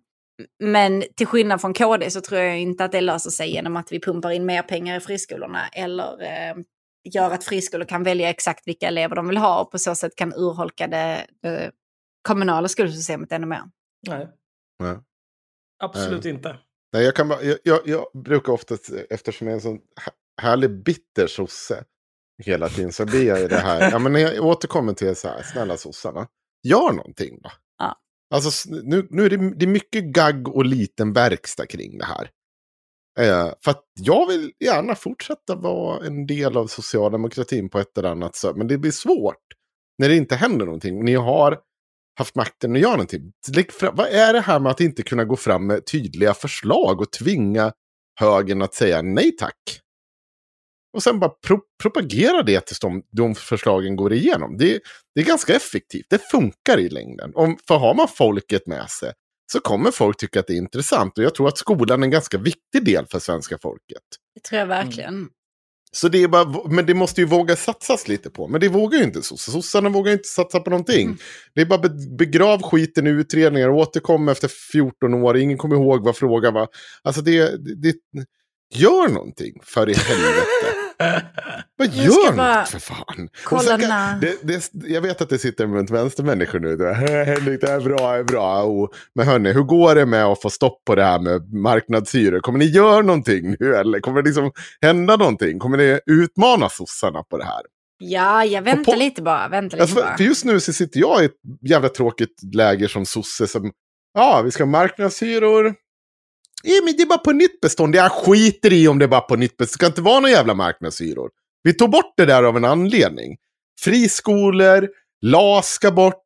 Jag känner inte riktigt att det här är den politiken jag ställer upp med. För, för vet, jag gick ganska många år i olika typer av LO-utbildningar eller var på något sosseläge och allt det här var skit som vi bara inte skulle ha med att göra. Så, nej, men ska vi inte, ska vi ta lite, vi ta lite mer friskola? Vi eh, ta Ja. några krav på den här friskolan? Ska vi ta marknadshyror och mm, men det här med LAS, ska vi verkligen ha det? Mm. Skit ner er. Ja, den här Christian Karlsson hade också skrivit en, eh, en artikel idag, eller häromdagen, det var nyligen i alla fall, i samband med att han skrev den här. När han skrev den här om sina, för att värna sina religiösa friskolor så tänkte han nog samtidigt, men skolavslutningen då? Hallå? Den ska väl vara kyrkan eller? Ja. Ehm, som jag antar att KD tänker, alltså minst någon gång per dag. Ehm, men så det tänkte han i alla fall. Så, så då skrev han, för tydligen så antogs det då för något år sedan att eh, jo, det ska vara tillåtet att ha eh, svensk skolavslutning i, i kyrkan. Mm. Om, eh, om skolan beslutar det, om eh, prästen går med på att ta emot och så bla bla bla bla bla. Och då när man är i kyrkan på en skolavslutning, då ska man få lov att be och eh, prästen ska få välsigna barnen som är där inne. Det var liksom något förslag att det skulle komma ut i lag typ. Eh, det var ungefär fem år sedan det beslöts att det skulle bli någon typ av lag kring det och den har fortfarande inte kommit. Och nu sitter han ju och rotar i varför sossarna har inte, inte skrivit den här lagen än. Varför de väntar så himla länge med det. Vad händer med vår lilla be och välsigna barnlag? Det känns jättekonstigt att den inte har kommit. Det kommer han ju på samtidigt här och jag bara blir Mm. så himla irriterad. Den är säkert superprioriterad. Jag tycker att du får jättegärna lo- lov att gå till kyrkan och be och välsigna och eh, allting vad du vill. Men jag har svårt att se hur vi ska, mina varför vi ska kombinera religion med skola. Ja. Jag hoppas att de i alla fall tar upp det här med sommar och vintertid före innan de tar upp att vi måste tvinga in barnen i kyrkan i skolan. Det, Ja, det är en sak. Ja, men det var, det var inte att man måste dit, det var att man ska få. För att innan så fick man typ inte, och det var ju också ett problem för de religiösa friskolorna. Nu Mm. måste jag hitta den här artikeln, för han skriver det så himla dumt. Vänta den här. Eh, Christian Karlsson hette han, och så eh, skolavslutning. Allting är bakom betalvägg, jag blir så himla trött. Det låter ledsamt. Jag läste ju den innan idag, nu blir jag jätte, jättetrött. Ah, ja, skitsamma. Han skriver att det skulle öka inkluderingen och eh, minska segregationen eller så. Om, eh, om man bara allihopa kunde komma tillsammans i kyrkan. Tror ni att det Mm. hade gått hem väl? Om, om vad för något? Han säger om alla bara barn kom tillsammans i kyrkan och bad och blev välsignade under skolavslutningen så skulle det öka integrationen och minska segregeringen och bara eh, föra samman. Det var viktigt för samhället eller någonting sånt stod det i hans lilla, i hans Så lilla text om det här där han liksom ska skynda på sossarna att skriva vår eh, avslutningslag. Det, det låter ju sött och sådär, men jag, jag vet inte. Det får väl folk göra om de vill. Och så behöver inte han lägga sig i. Jag tycker också att det kan vara eh, väldigt självvalt. dem. Mm. Ja, Nej, men det tyckte jag var fint. Jag tycker att pracka på någon en religion, det ökar alltid ehm, sam, samkänslan. det Sam- brukar ju vara ett problem det där för de där människorna annars när det är... Ja, men de prackar ju på fel religion. De, Mm. Man måste ju pracka på rätt religion. Inga konstigheter. Ja. Vad viktigt det där. Mm, så är det. Jag Jaha, vill dö. vad sa du? Jag vill dö. Mm. Ja, det kommer bli värre innan vi är klara med det här. Jag är jag helt slut. Va, vad vill du prata om nu, Henrik? Ja, vi pratar om Henke. Lamberts. Göran Oj. Lamberts. Ja, det är klart att du vill. Sveriges absolut mest omtyckta människa just nu. tror Ja. jag. Det har ju varit Kalla fakta i veckan som var. Mhm. Nej. eh, Om eh, Göran Lambert. Har ni sett det? Nej. Nej, ingen inte. av er sett det? Nej. Nej, jag har nog inte sett Kalla fakta på Nej, gud nej, nej, nej. vet hur länge. Ja. Nej, men jag, jag känner mig klar med Lamberts-arken nu. Jag vill inte se honom någon mer. Nästa nyhet jag läser om Göran Lambert så ska det vara före detta ju- justitiekanslern Göran Lamberts avlider efter en tidssjukdom. Vad fan. Det är, det är nästa nyhet jag vill ha med honom. Han är färdig nu, det är klart. Fuck honom. Jag, jag tycker inte det. För vi är fortfarande eh, den andra delen i det här som vi, vi nå- någonstans måste hantera. Och eh, vad som har hänt är ju då att Kalla fakta körde ett reportage om, eh, om den här då, eh, juridikstudenten som har anmält Lamberts för våldtäkt. Och eh, jag blir ju alltid, när det är något sånt här, när man sitter, vi har ju gjort det här Patreon-avsnittet, eh, som ni kan gå in och lyssna på om ni blir Patreons, vilket såklart ni ska. Mm. 10 kronor per avsnitt, det är tre avsnitt, det är 30 Jag utgår ifrån att alla som lyssnar redan är patrons. Ja, i alla fall. Eh, ja, men det är trevligt, men det, det är det inte. Blir jag rasande? Ja, men i alla fall. Eh, det är... Ja, gud, nu tappar jag tråden. Nej, men man, man, man, man ska i alla fall eh, låta henne berätta sin egen historia. Om vad som har hänt. Och jag är alltid nervös, liksom, för vi har gjort en hel del research kring det här. Och man vill så här säga, ja men man vill inte bli eh, liksom så här backstabbad med att någonting nytt kommer fram som man själv inte liksom har gjort en bra nog research kring. Och det må jag nog säga att nej, det var väl inget nytt mer än eh, så mycket som en massa jävla cringe när Göran Lambert sitter och kallar sig att han är hennes pappa. Och, ja, det är väl väldigt, och det var inspelat på band också, Axel, så man fick höra när Göran Lambert Nej, varför ska man Ja, man, vilja fick också höra det? man fick också höra när Göran Lambert sitter och säger att han ska hjälpa henne med sitt fall. Om, om man får göra ett litet sugmärke på henne. Då, då höll jag på att gå bakom soffan. Nej, men, nej, men jag, jag går och hänger mig nu. Det får nog. det var, Du det, du det, Men han är ju... Då, är, då är Henrik ändå en cringe-tv-specialist och han var tvungen att gå bakom soffan när han sa ja, det. jag mådde inte bra, det kan jag säga. Men, och, det, och när just i det här, när man sitter, då känner man ju så här, vad har jag gjort för någonting? Liksom så här, när man sitter och ser det här, då är det så här, vad har jag liksom, vad har jag gjort för typ av granskning? Jag har tagit ställning för det här, vad är det som händer för någonting? Och man man känner allting bara, men, men avsnittet går ju. Och jag inser ju i slutändan att ja, men det här var vi i princip det han har berättat om. Att de har haft en relation. Oavsett hur jag tycker det här är jobbigt så är det fortfarande bara en strikt moralisk fråga. Det är ett jävligt sjukt sätt.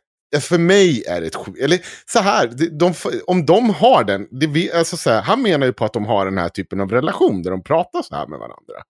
Och till viss Ja, del... jo, så- men det får de väl ha. Men Ja. jag vill inte höra. Nej, precis. Och, och det kände väl jag ganska mycket också. Men, men liksom, samtidigt så lyssnar jag ju med ett annat öra. Och det var ju på det öra som handlar om liksom, eh, vad är det som liksom för nytt som kommer fram här. Och, och det första jag slås ju över, det är ju det här med att det är som att media har en någon typ av, eh, vad ska man säga, att man tycker att det finns en pendel här. Och, och den pendeln på något sätt, eller så har väl egentligen alla tykonomer res, res, resonerat, att i samma sekund som Lamberts fick ha den här typen av presskonferens i sin trädgård, så slår den här pendeln över till Lamberts fördel. Och då helt plötsligt kommer alla tro Lamberts. Och, och det här är ett sånt medialt haveri. Vilket det såklart är. Det är ett med- medialt haveri att man låter det här gå live. Absolut, men det Ja. har ju inte den effekten. Nej, precis. Det är lite det också. Så här. Tvärtom. Ja, det hade, jag skulle vilja påtala att det är verkligen, det är inte så, när det här var klart, att pendeln nu bara, alla bara sprang och Lambert! Lambert! Det var inte Nej, det som alltså, hände. nej, När usch. folk var helt tokiga. De var rasande på honom. De var Ja, det var rasande. ju helt sinnessjukt att han fick stå där och säga de där sakerna om henne. Att liksom, de bara, nej, det var så sinnessjukt alltihopa. Ja. Att han står där med sitt jävla självbelåtna gubbflin. Ja, jo. Och, Nej, men vi, jag kommer återkomma också till det där gubbflinet. Ja, men, men liksom allt det här sker. Och, men man, man tycker liksom att nu har pendeln slagit över eh, På något sätt. Och, och den här pendeln som har stått, lite också som att den, den här pendeln har stått helt neutralt innan dess. Och det här tar ju vi upp i Patreon-avsnittet också. Att det där är inte sant. Under hela, liksom när han sitter häktad. Först så är det såklart toppjurist, toppjurist, toppjurist. Eh, och det var ju snart ute att det var han. Och det var väldigt många. Jag tror att den här gången var det nog fler än under metoo. Och det har jag, tog jag också upp. att här var det väldigt många som visste att det var Lamberts. Långt innan han själv går ut med det. Eh, och man pratar om stödbevisning till kvinnans fördel. Man pratar om liksom alla de här sakerna. Så det man först att inte diskutera det är att faktiskt pendeln står ju såklart i, till hans nackdel. Något fruktansvärt. Vi kan prata det som en våg. Det, det, går, det är inte bra för hans... Ja, liksom. ja, men liksom att bli häktad för Ja. våldtäkt, det är ju, redan där är det ju Mm. tråkigt. Då är det tråkigt, ja. Ja, det finns en massa saker. Så det, och, och den blir fan inte så att pendeln slår över. Han får en chans att babbla på om sitt. Ja, det är vad han får. Och det kan man ha 100% än en gång. Vi har sagt det förut, förut och jag säger det igen. Det är ett medialt haveri för de som faktiskt sänder det här live. Det borde man ha tänkt igenom eh, innan man gjorde. Men det är inte så att en pendel slår över. Han ser fortfarande ut som en... Efter den här, han ser fortfarande skyldig ut. Och framförallt såklart, precis som du säger, hur han beter sig under den här presskonferensen. Han är väldigt så här, han går och ler. Han, han är väldigt uppsluppen skulle jag säga. Och, och, och det tolkar folk som liksom till hans, på, ja, till hans nackdel på något sätt. Ja, men alltså det handlar ju om... Eh, det, det, det talar ju inte till huruvida han är skyldig till någonting eller Nej. inte, utan det handlar ju mer om eh, den allmänna uppfattningen om hur någon som är anklagad för någon typ av brott borde bete sig. Nej. Man ska inte hålla Och- på, du ska inte gå runt här och ha roligt. Nej, och, och hela tiden i, i övrigt efteråt, det, alltså, hon hänvisas ju till som ett offer. Mm. Även om man inte säger rakt ut att han är en förövare. Men med motsatsen, om hon är ett offer, så är han en förövare. Det går liksom inte. Det här är... Det, kan inte vara. För att eh, om hon... Är hon ett offer så har han begått någonting. För det är det hon anklagar. Hon Ja, det anklagar känns lite grann som eh, Ja. eld utan rök. I, I all media så är hon fortfarande offret. Och, och liksom så här, äh, i, i alla fall i all tykonomi, om jag uttrycker mig så. Så pendeln är och vilar så starkt åt hennes håll. Det är egentligen bara i två utlopp som det är. Det är Flashback och här som vi dis- börjar diskutera någonting annat. Och på Lamberts egna liksom, blogg där han börjar skriva. I övrigt så är det ganska, kanske Nordfront, jag vet inte. Det är, liksom, det, det är vi de enda som säger någonting rakt ut att ursäkta, det finns en massa saker här som inte stämmer överens med verkligheten. Men Kalla fakta, de gör så här när de, eh, de börjar ju med att presentera Lambert. Man sätter alltså, man tar allting från presskonferensen så får hon basically kommentera det. Han får inte kommentera, vi kommer återkomma till just det här att han inte får kommentera. Och det börjar ju såklart med den dramatiska musiken och han då som går runt där och leende och ser så jävla dum ut. Och eh, man börjar med texten, den här texten, i liksom inledande av dokumentären. Så jag bara såg den och jag bara, vad fan är det här?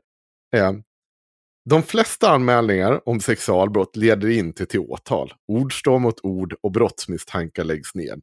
Kvinnor som anmäler blir inte sällan misstänkliggjorda. Det här stämmer 100 procent. Mm.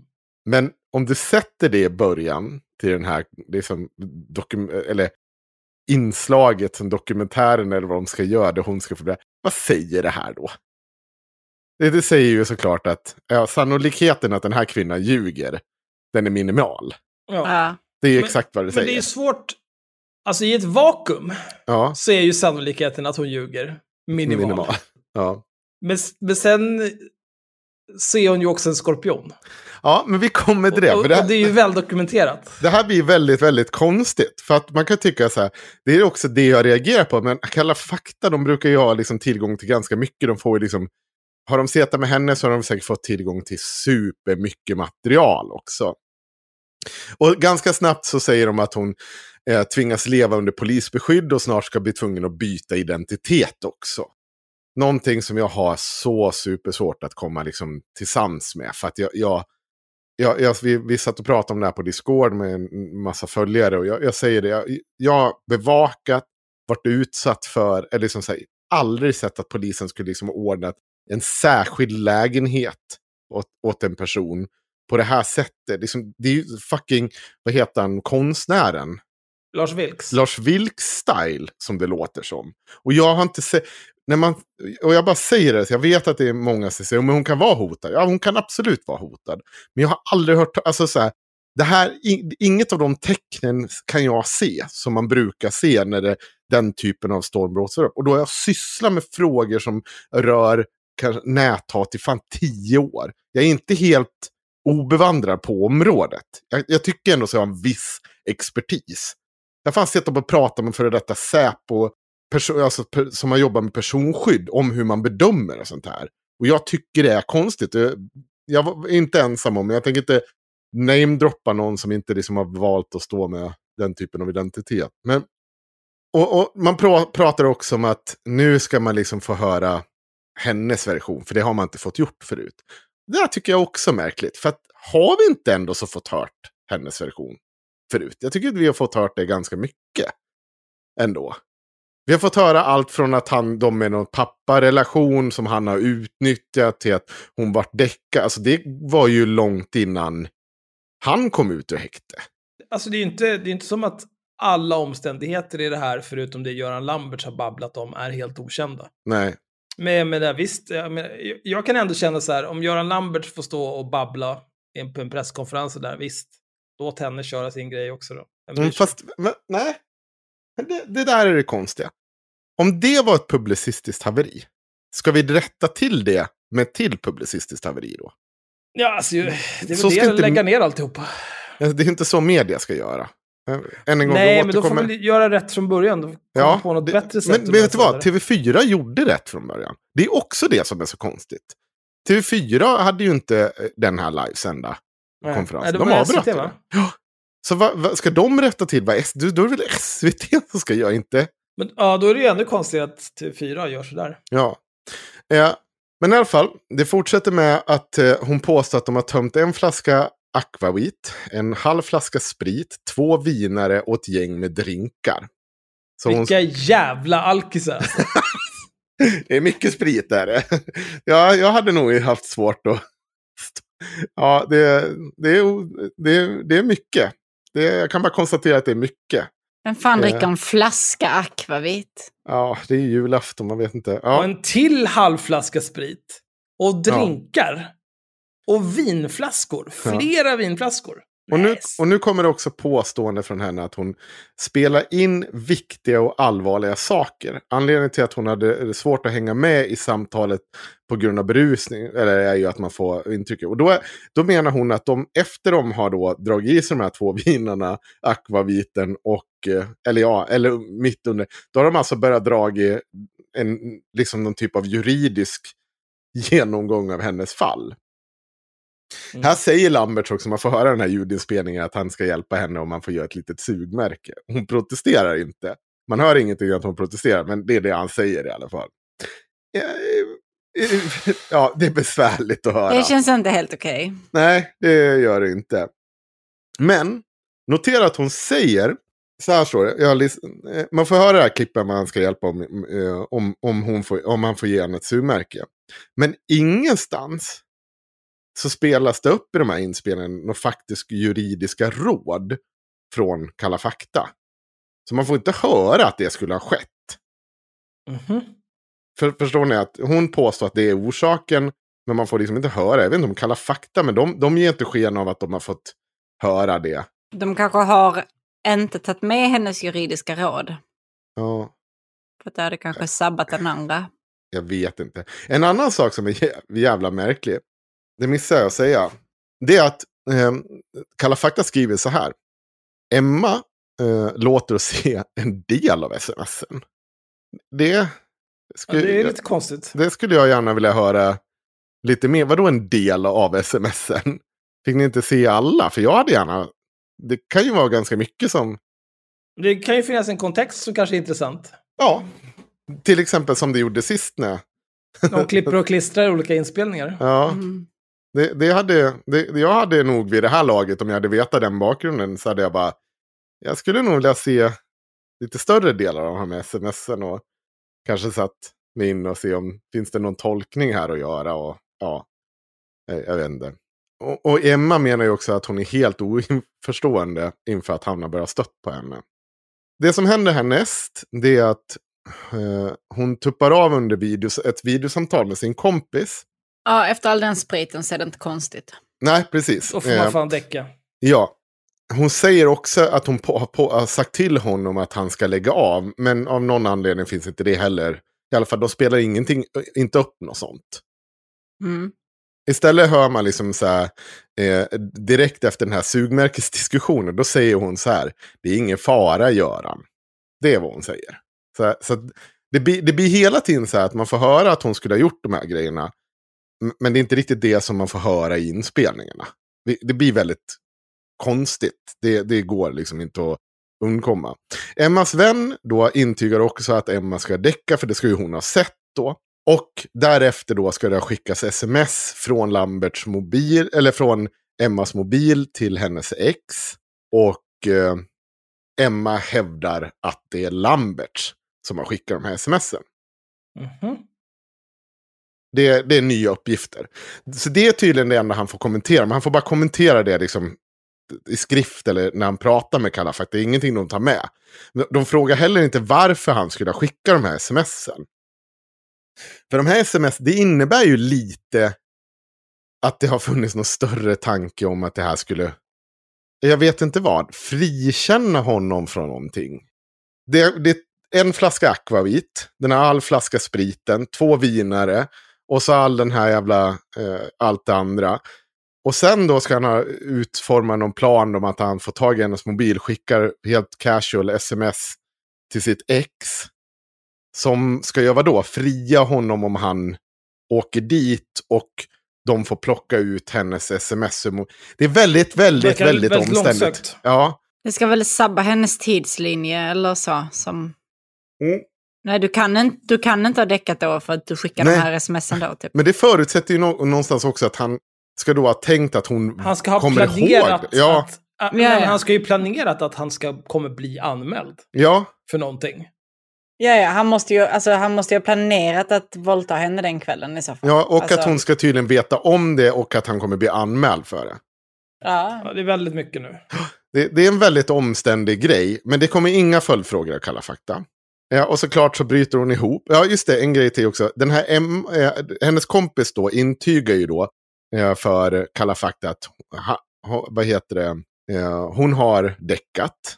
Eh, det har hon sett. Ja, och det är ju ett graverande för Lamberts. Ingen snack om saker. Det är väldigt graverande att eh, hennes polare ska ha sett det. Vad som också är graverande för Kalla fakta, att de inte nämner att Emmas polare, det är samma polare som hon tillsammans med en till person anmälde den här första personen för våldtäkt med.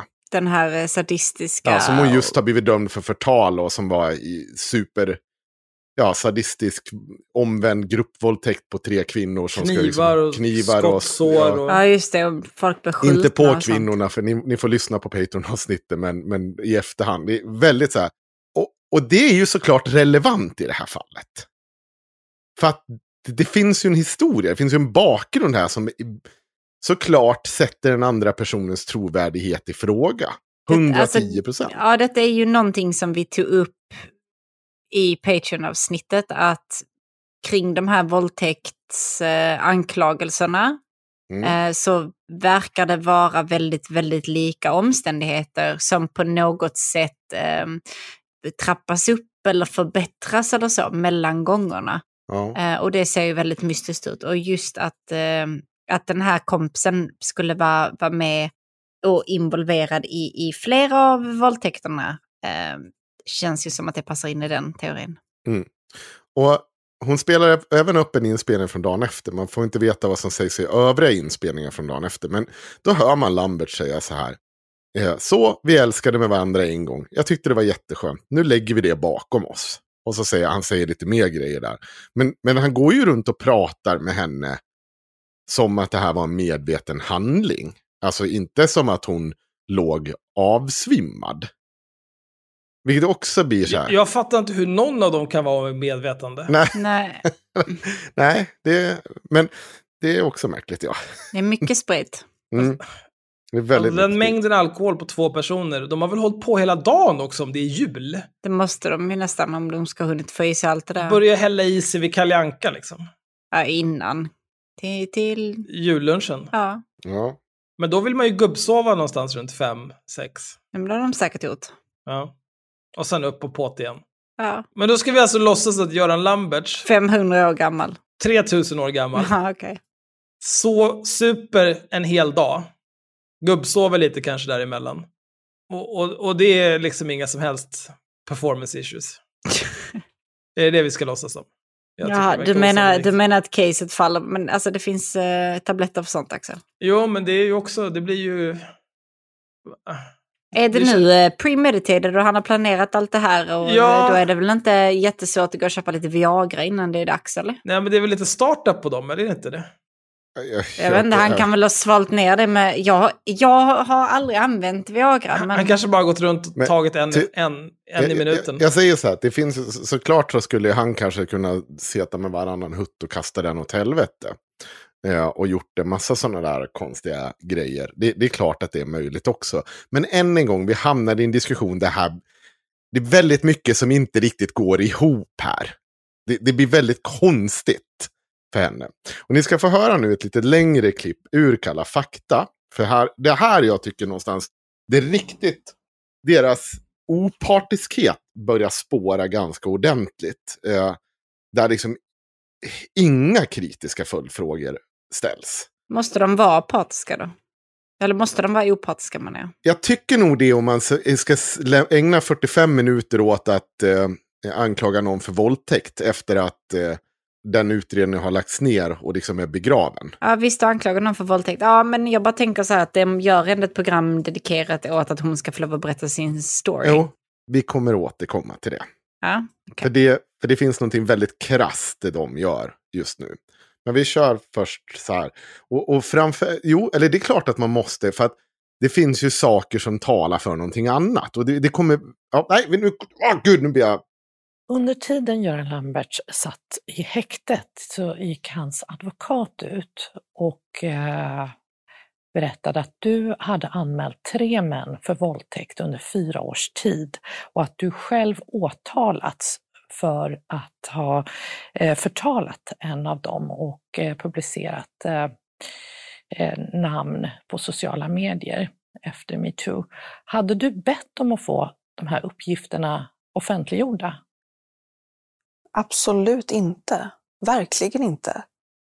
Det här är ju det här är ju något så privat och personligt som det bara kan bli. Jag har absolut aldrig bett om att få mina tidigare sexuella trauman avhandlade inför hela svenska folket.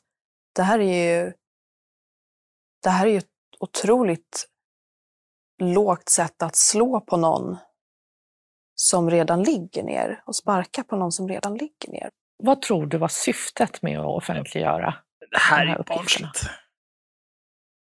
Eh, Det var ju såklart att få mig ifrågasatt och att, eh, att skapa spekulationer kring mig och vem jag är som person. ja, vi kan ju börja så här. Hon, hon, har, alltså, hon, har, hon har alltså inte bett. Nej, det förstår Nej, det är jag. förståeligt. Det, det, det, det, jag tror inte heller att Göran Lamberts har bett och fått alla sina jävla snuskgrejer utlagda för hela svenska folket heller. Men, men det finns saker, även om jag, jag förstår ju varför försvaret säger sådär. För det finns ju som sagt likheter. Det finns inte bara att hon... Det hade, det hade varit helt ointressant om hon bara hade blivit våldtagen två, vid två tidigare tillfällen. Och så var det liksom inget mer att hon hade blivit friad. Utan det är inte det som är grejen. Vi har sagt det om och om igen. Det finns omständigheter kring hennes berättelser som är absolut aktuella även här. Till exempel att det här är tredje gången hon skulle då på ett eller annat sätt vara drogad. Den här gången visserligen med alkohol. I de två tidigare fallen skulle det ha varit med droger enligt henne själv. Båda de två fallen så har man kollat och testat dem för droger. Det finns inga droger i deras kropp. Inte ens i de glas som de drack ur, som lämnades kvar i lägenheten, hittar man spår av droger. Det är faktiskt lite besvärande för dig. Att du återkommande säger att du blir drogad. Eller nersupen. Men eh, det var nog inga problem att hitta alkohol i blodet. Nej, inte om det. Men det, det kanske Det heller var inte svårt var. att hitta blod tror jag. Ja. Ja, men vi, vi fortsätter. Men det här med att du anmält eh, andra män för våldtäkt tidigare, är det inte bevisföring som måste lyftas fram och som kan ha relevans ändå? Det är absolut ingenting som har varit nytt för utredarna eller åklagaren, utan det här har ju framkommit. Alltså det är ju, dels har jag varit helt öppen med det och dels så gör man ju en Alltså man gör ju en bakgrundskoll på alla i, ärendet. Man gör det på gärningspersonen och man gör det på målsäganden. Varför skulle hon vilja anmäla dig för våldtäkt om det inte var så? Jag tror att det visar sig nu att det här är fjärde gången. Va? Och, eh, och någon har skrivit åt henne sluta och hoppa på män för pengar. Och jag vet inte om det var det, men det var, det var, för mig är det alldeles tydligt så här efteråt nu att hon hittade på en historia och försökte få mig fälld för den helt enkelt. Så ska man hårdra det så har jag anmält en man för våldtäkt. Och eh, det stämmer att jag har blivit våldtagen utav tre olika män.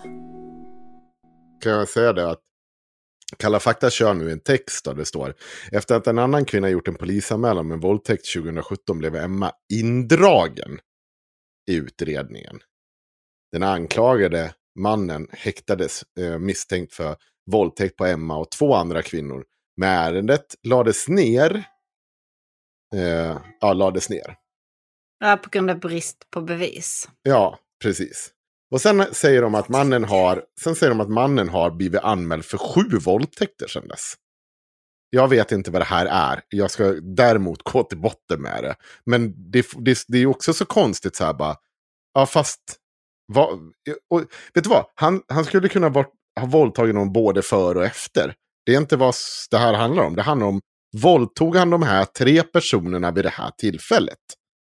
Det finns ganska omfattande stödbevisning till mannens fördel som pekar på att inget sådant skett. Bland annat den, liksom, den konversation de har med varandra efteråt. Att det finns bilder från hela kvällen. Det, det är också sådana konstiga saker. Ja, men fortsätter. Jag tycker inte att det är fel att varna andra kvinnor för en serievåldtäktsman. Det är någonting som, alltså som tyvärr har varit nödvändigt för att, för att förhoppningsvis kunna rädda någon tjej. Så att någon kanske undviker honom. Så här står det i nästa text då. 2018 anmäler Emma själv en man för våldtäkt. Mannen döms i tingsrätten men frias i hovrätten. Flera år tidigare hade mannen åtalats men friats för ett sexuellt tvång av en annan kvinna. Jaha. Jaha. Ja, men det, det är ju det där... Antingen så är man friad eller så är man inte friad. Jag vet inte. Nej, men, men det än en gång. Det, här, det, det finns ju så mycket i den här utredningen. Det finns inspelningar på 1.42. Ni, ni, Kalla fakta måste ju liksom säga att ja, vi har ju sett vad, vad bevisning består i. Det, det, är ganska, det är ganska besvärande i, än en gång för Emma. Och det blir så jävla konstigt att de hela tiden bara trycker till det här lite extra. Ja, men han var också anmäld tidigare en gång. Jaha. Men be- betyder det att han våldtog Emma? Vad, vad har det här med saker... Om, och det är, så här, är det så här ett, liksom det stora samhällsgranskande programmet i Sverige ska agera? Ja, det, det är inte särskilt bra hittills av vad jag har hört. Men Ja. det finns ju också en anledning till att jag inte har tittat på den här skiten. Mm. Men det, alltså det finns ju också en poäng i, alltså om någon är anmäld flera gånger för våldtäkter så känns, alltså det är ju... Tydligen finns det en poäng i det, men det finns inte en poäng att hon har anmält tre män för våldtäkt. Eller har varit en, det är ju också så här lek med ord. Äh, men jag gjorde inte den här första anmälningen. Nej, fast du har ju medverkat i utredningen. Och du har ju, varit, du har ju sen också valt att varna och sagt att det här är man som begår hemska övergrepp. Och där dina kompisar har blivit skjutna och knivhuggna i efterspelet. Ja. Ursäkta? Men det, det blir så absurt att det inte på något sätt framkommer. Och att TV4 är en del i att inte berätta den delen. Att de inte tycker att det är relevant. Men det är relevant att prata om att den här mannen, anonyma mannen, har tydligen flera år innan eh, friats för det här. Det är re- relevant att berätta. Mm. Jag vet inte, jag tycker att kanske det som är relevant Det beror ju på sammanhanget om det är relevant att berätta att han har blivit polisanmäld tidigare eller friad tidigare eller dömd tidigare. Ja. I, i det här, då vet inte, tanken är väl att det ska vara liksom någon typ av journalistiskt eh, arbete här där man Ja. förhåller, försöker förhålla sig lite neutral Ja. och objektiv. Och då vet jag inte om det är så relevant att ta upp det. Men om det däremot skulle vara liksom eh, att han blir åtalad för att ha våldtagit henne, då är det väl helt rimligt att ta upp det i Ja. den rättegången liksom. Oh, ja. Skulle jag, jag skulle tycka att här, ja, det är väl inte så konstigt. Men, men om man försöker göra någonting av... Jag vet inte, det är som att jag, jag, jag känner att jag förstår inte vad journalistik är för någonting när jag lyssnar på den här skiten. Ja, men det, det blir värre. Ingen av de här männen har ju fällts. Eh, jag tycker att det tyder på enorma problem.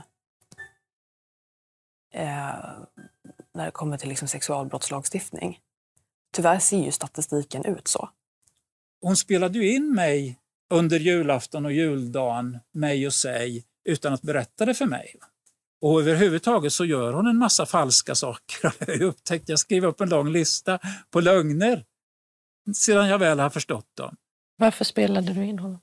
Eh, jag var väldigt chock kan man väl säga och var väldigt omtumlad och hade minnesluckor, försökte liksom fylla i, förstå, alltså lägga ihop pusslet hur han kunde, hur, liksom, så här, hur det här kunde ha skett. Alltså. Men det kan se ut som att du har en agenda när du spelar in redan på julafton.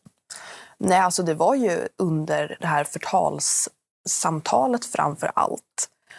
Eh, alltså det, jag har inte haft någon agenda att sätta dit honom. Så vad är det korta svaret på att du spelade in på julafton innan att, någonting hade hänt? Att eh, vi avhandlade allvarliga samtalsämnen. Jag hade minnesluckor och hade svårt att liksom hänga med i samtalet samtidigt som det var saker som vi behövde prata om när vi väl sågs. I eh, häktningspromemorian så påstår hon att det är på att hon är, är så medicinerad. Att, eh, kommer ni ihåg det? Mm. det är, då är berättelsen någon annan. Då är det inte liksom att hon är nedsupen och de har någon typ av djupa samtal om, om det här. Utan då är, det, då är det det som gäller. Och det där är också någonting som Lamberts har påtalat. Att hon har förändrat historien under tidens gång. Ja, ja det är ju inte, det är inte bra. Nej, och det, det är inte första gången heller. Det kommer finnas ganska många som tror på din berättelse och lika många som tror på hennes berättelse. Jag tror inte det. Till sist så kommer man att förstå. När hon har varit med så många gånger och haft samma berättelse så tror jag, så tror jag faktiskt inte det är någon tvekan. Och det finns så mycket i utredningen om vad hon har gjort. Hon har, hon har till exempel eh, hon har till exempel eh, raderat, alltså hon har skickat in ljudfiler, hon har skickat in messenger-historik där hon har raderat lämpliga bitar. Och hon har ställt, sedan hon har skickat in ljud, ljudfilerna den 17 februari inför ett nytt förhör här i Uppsala med polisen den 18 februari så lät hon fabriksåterställa sin telefon. Och det gjorde hon även i det förra målet, där det var dom 2018. Men vem gör det? Vem raderar en massa i sin telefon och vem fabriksåterställer den inför tanken att eh, polisen kanske intresserar sig för den? Det framstår ju som att du är otroligt manipulativ. Vad, vad tänker du om det som han säger om dig i den här presskonferensen? Det är ju eh, så han har velat framställa mig, helt enkelt, men det är inte sant. Eh, jag har inte raderat någonting, jag har inte manipulerat några bevis, jag har inte manipulerat utredningen. Det är, eh, det är falska anklagelser helt enkelt. Notera där att Kalla fakta, han säger så att det finns likheter i de här utredningarna som vi har påtalat många gånger nu. Kalla fakta varken liksom, de bekräftar inte det här på något sätt eller på annat sätt liksom ifrågasätter varför det är, alltså sätter det mot henne. Utan de bara ställer frågan så här bara, ja, du framstår som lätt manipulativ när han säger det. Så, så att det är liksom att hans ord bara är hans ord. Inte att det faktiskt finns objektiva förhållanden. Som inte är där det kommer om det här neddrogningen, att hon faktiskt fabrik då, har fabriksåterställt mobilen i två olika fall, skyllt på att det är mjukvarufel i två olika fall, varit eh, icke benägen att lämna in mobilen i två olika fall, att eh, att det finns en rad omständigheter som återkommer. Mm. Som man hade kunnat kanske då, ursäkta. Men det, det är ju så himla konstigt. bara, ja, hur, hur lyckas du två gånger med att få din mobil har olika typer av problem så att den tvunget måste fabriksåterställas precis, precis dagen innan du ska... Alltså, det, är så, det är så otroligt osannolikt. Och att du båda fallen också säger till polisen att ifrågasätta vad det är de ska plocka ut ur din mobil. Och, och sådär. Det, det blir väldigt... Det är tråkigt. Ja. Nu, nu kommer det här också, i- det lustiga med det här. Så här skriver de i en faktaruta. Emmas mobil fabriksåterställd i samband med en lagning. Men hon säger att ingenting saknas. Och att polisen fått ta del av samtliga ljudfiler och sms. Vad tror ni de säger i nästa andetag? Ingen aning. Ingenting i utredningen tyder på att material saknas. Men det har inte heller gjorts någon teknisk undersökning. Nej. Ja, Okej, fast vänta nu. Men, men då, Sa inte hon att Lamberts hade tagit, skickat sms från hennes mobil? Jo. Om inte hon hade sett det i efterhand. Och de, förs- de, de måste ju ha försvunnit någon gång, eller hur? Mm. Alltså, bara det är ju en sak. Så, jo, men de här smsen då? Vadå? Låg de kvar till mobil? Sa du aldrig till polisen att han hade gjort så här? Annars har ju de försvunnit. Så det är ju objektivt någonting som har försvunnit ur din jävla telefon. vad fan snackar du om? Det här, vad, vad, eller vad snackar TV4 om? Vad håller ni på med för någonting? Men det blir värre. Så här står det. Vi har läst Göran Lamberts, det Göran Lamberts hänvisar till. Emma, Emma lämnade in en ljudinspelning till polisen 2018. Åklagaren använde ljudfilen som bevisning i både i tingsrätten och hovrätten. I bakgrunden så kan man se att, eh, att tingsrätten är så att ljudfilen skulle vara tekniskt manipulerad, är inte sannolikt, står det i bakgrunden. Man ser det ur den domen. Och så fortsätter de så här. Ingen av instanserna har gjort bedömningen att Emma skulle ha manipulerat ljudfilen eller att något i den saknas. Stämmer det? Nej. Nej, för det gör det inte fan från inte. Patreon-avsnittet, nej. Men ni kommer få höra hur P1-medierna, eller medierna i P1 hanterar det där. Och, och ni ska få höra någon form direkt. Så vi håller det som, kom ihåg det där som en liten cliffhanger nu bara. Ja, vi kan avbryta det, jag tror att det räcker i, i, i mängd. För just, jag tycker att vi ska komma in då på eh, P1-medierna. För de tyckte ju precis som jag att, ursäkta? Vad, vad, hände, vad, hände, vad, hände, va? vad hände här? Vad, vad är det nu? Är det här Kalla fakta? Är det ert nya sätt att jobba på? Det, det känns som en konstig sätt. För det, jag trodde ni var lite mer seriösa än så här. Så de har ju också sina åsikter. Men jag ska ta lite till, för det finns någonting mer ur det här tror jag som jag sa. Ja, hon påstår, hon går vidare sen och påstår att medierna har använt som en kamphund mot henne. Tycker ni att medierna har varit väldigt emot henne? Nej, men jag har inte läst jättemycket om det, men det mesta Nej. är väl eh, att Lamberts är en äcklig gubbe. Ja. En, en lustig detalj som jag noterar, som hon betonar även i det här avsnittet. eh, Det är att hon har stort förtroende för mer. Hon tycker att eh, åklagare och polisväsen har verkligen gjort allt de kan. Det här påtalar hon också samma sak i första den här våldtäktsgrejen. När, vilket är väldigt märkligt med tanke på att tre personer som, som blir liksom klar, alltså som blir våldtagna inte kan få en person fälld när all den här bevisningen som hon pratar om ska finnas. Att de fortfarande tycker att med, eller liksom, journalist, eh, nej, vad heter det, åklagare och poliser har gjort sitt jobb. Jag tycker det låter verkligen inte som de har gjort sitt jobb om jag ska vara helt ärlig. Det låter väldigt konstigt. Ja, medierna håller lite med mig här. De tycker väl också att det är lite vinklat ändå, va? Så, då kör vi P1-medierna. Ja, TV4 har träffat kvinnan som anmält Göran Lamberts och för första gången hördes hon i en längre intervju. Men vilken ny information gav egentligen den här publiceringen? Ställdes de svåra frågorna och varför fick inte Göran Lamberts vara med?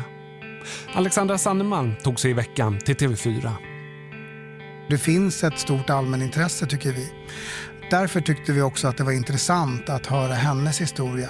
Göran Lamberts eh, fick stå i ungefär en timme eh, i sin eh, trädgård och hålla presskonferens inför en samlad mediakår och ge, fram, ge sin syn på vad som hade hänt. Helt oemotsagd. Och vi tyckte att det var relevant att hon skulle få se, ge sin syn. Det här är Fredrik Malmberg, chef för TV4-nyheterna och Kalla fakta. Utgångspunkten är faktiskt hans presskonferens och de saker som han påstår i presskonferensen. Eh, Den här kvinnan som eh, anmälde mig och sa att jag hade våldtagit henne. Eh, jag måste bara säga så, hon är faktiskt en lögnerska och en bedragerska. Jag tycker inte att ett brottsoffer i något avseende ska behandlas så som jag har gjort. Ja, det är kvinnans berättelse som programmet fokuserar på. Och det är bara hon som medverkar. I programmet kallas hon Emma. I programmet spelas ljud och filmklipp upp som kvinnan spelat in den aktuella kvällen. Tittarna får också ta del av sms-konversationer mellan Göran Lamberts och Emma. Inför programmet har Kalla fakta-redaktionen och Göran Lamberts haft kontakt vid flera tillfällen. Göran Lamberts har velat vara med i programmet och ge sitt genmäle. Men trots upprepade förfrågningar har han inte fått medverka i programmet. Vi utgår ju som sagt var ifrån hans presskonferens. Vi har gjort bedömningen att det framkommer egentligen inte speciellt många nya uppgifter. Inte speciellt många nya uppgifter. Det kommer fram sms, det kommer fram messengerkonversationer, det kommer fram påståenden om att hans, han har tagit hennes mobil och skickat sms, det kommer fram filmer. Det är ganska Mm. mycket Det är ganska där. mycket. Ja, som kanske är värt för honom att säga bara, jo, jag, jag vet att jag satt där och gjorde det där sugmärkesgrejen, men, men liksom, hon var med på det. Det är åtminstone det, skulle, alltså så här, men det blir en konstig, så här, och, och det är så tydligt, än en gång. Det här, det här inbillnar att nu har det slagit en pendel långt åt helvete och det är bara till Lamberts fördel. Men är det verkligen effekterna som det har fått? Nej, jag menar att det inte är det. Supermärkligt. Det, ja. Vi utgår ju som sagt var ifrån hans presskonferens. Vi har gjort bedömningen att det framkommer egentligen inte speciellt många nya uppgifter. Alltså uppgifter som han inte har nämnt i presskonferensen. Så det hon gör är att svara på hans utsago. Det hon svarar på det han säger på presskonferensen. Sen är det så här att eh, vi ring, har ju ringt till Göran Lamberts och meddelat och läst upp de sakerna som, som vi tror han tycker är relevant. Eh, han har ve, velat ge eh, ett genmäle i programmet och vi har sagt att i programmet så, så kommer han, han komma till tals såvida att eh, det är presskonferensen som han, som han kommer med sina påståenden i. Eh, sen har vi erbjudit honom att bli intervjuad efter programmet eh, och då har han eh, inte velat ställa upp. Han får ju en fråga där på tisdag morgonen eh, och då förstår jag det som att eh, han skulle få ge ett svar till nyheterna och inte till programmet. Stämmer det? Ja, det stämmer. Varför vill ni ge honom den ytan då att vara med i nyheterna istället? Nej, för vi tycker att, jag menar, nu har han sett hela programmen, han har sett en helhet och då får han reagera på hela programmet. Men om man ändå vill gå till botten med det här, reda på riktigt i det som har hänt, är det inte en nackdel då att inte ha med Göran Lamberts? Nej, vi tycker inte det. Nej, Nej okej. Du tycker inte det? Jag kan, jag kan tänka mig att det finns en del personer som faktiskt tycker att det har lite... Jag vet inte. Det är lite konstigt. Allt är väldigt konstigt, tycker jag, hur, hur, i hur de res, resonerar. Och jag skulle inte säga att det har någonting med någon rimlig pressetik att göra i alla fall. Han ska ju... Det var, så bara, jag förstår väl också så här, i, i den situationen. Bara, nej, jag vill inte stå i nyheter. Jag, jag ville väl ge en chans där och då när det... Hallå? Och på vilket sätt kommer han få chans att svara? Det är som, Det måste ju vara i samma program liksom. Annars Ja. blir det ju inte... Annars... Annars kommer vi bara ha Lamberts och Emma-program i oändligheten där de svarar Ja. varandra. Ja. Nej, det, det, det är supermärkligt, men, men de, de har ju som, som sagt, medierna har ju reagerat på det här övrigt eh, också. Hur liksom hon får anklaga honom. Så de frågar ju den här eh, nyhetschefen om det också. Och då tycker jag det blir riktigt weird. Men om man då plockar ner det här. En anonymiserad kvinna får anklaga då en namngiven man för våldtäkt. Eh, Ärendet är nedlagt, han är inte dömd för det här. Han ber om att få bemöta de här anklagelserna. Men ni vill inte ge honom det utrymmet. Hur svarar ni på det? Alltså, hade det varit nya anklagelser, du förutsätter nu att det är nya anklagelser. Hade det varit nya anklagelser som hon hade kommit med, då hade han varit tvungen att få bemöta det. Det är inga nya anklagelser i programmet mot honom. Det är så otroligt konstigt. Ja, för det är, det är som hon säger, om man plockar ner det här i sina beståndsdelar. Han frias, Är du trött Sanna förresten? Jag håller på att dö. Det, det är inte många minuter kvar nu. Du får hålla ut i tio minuter till. Sen, sen ska, vi, ska du få gå och lägga det. Men det är liksom så här. Det är, så, det är ju det som händer. Hon får ju en chans då att anklaga honom för våldtäkt igen. Och de här andra, även om inte de pekas ut eh, med namn. Men deras namn finns ju att ta reda på väldigt lätt. Det får de göra i Kalla faktas program. Och han får inte, ingen av dem får försvara sig. För att hon ska få berätta sin historia i det här. Det är ju verkligen, jag kan tycka att det här, det här är ju bara ett av de här metoo-berättelserna som det har blivit förtalsdiskussion om. Fast på större nivå och att man sätter dem i TV4. Ja, men det är väl... Ja, det är ju för att det är Lamberts liksom. Ja, jo men... det är, Det, det, men det, jag vet inte, det skulle ju varit eh, mindre bra tv om det inte var Lamberts och om det inte var en skorpion. Jag är inte så intresserad om det är mindre bra tv. Jag är intresserad av att medierna ska göra rätt för sig. Och liksom det är bra inte- tv! Ja, Det är jo, det det handlar om. Det är content för oss också visserligen. Så, Ja, jag har inga som helst skrupler. Alltså tanken är väl han får gå ut och prata omotsagd, hon får inte besvara det och sen så får hon göra detsamma. ja, men det är inte väl så... någon sån här lika kaka, men jag, jag vet inte riktigt om det borde fungera så. Ja, men det är inte så saker ska funka i vuxna livet. Men vi kör lite till. Men den här intervjun handlar inte bara om det här fallet. Kalla fakta tar även upp ett tidigare rättsfall där kvinnan anklagat en annan man för våldtäkt. Han dömdes i tingsrätten men friades i hovrätten. Och här finns en omständighet som Lambers tar upp under sin presskonferens. Läs den förra domen från 2018 får ni se vad hon gjorde med, med eh, fil, ljudfilerna och telefonen där. Det som hände var att det även då fanns en inspelning. Polisen fick i samband med anmälan en knappt 20 minuter lång version som visade sig vara ett urklipp ur en längre version. Efter att hon lämnat in den korta versionen fabriksåterställde hon telefonen och först några dagar senare kunde polisen ta del av hela ljudfilen. I domen skriver hovrätten, som alltså friade mannen, den korta versionen börjar direkt efter ett avsnitt där A ger uttryck för något som inte kan förstås på annat sätt än att det här varit fråga om frivilliga sexuella handlingar.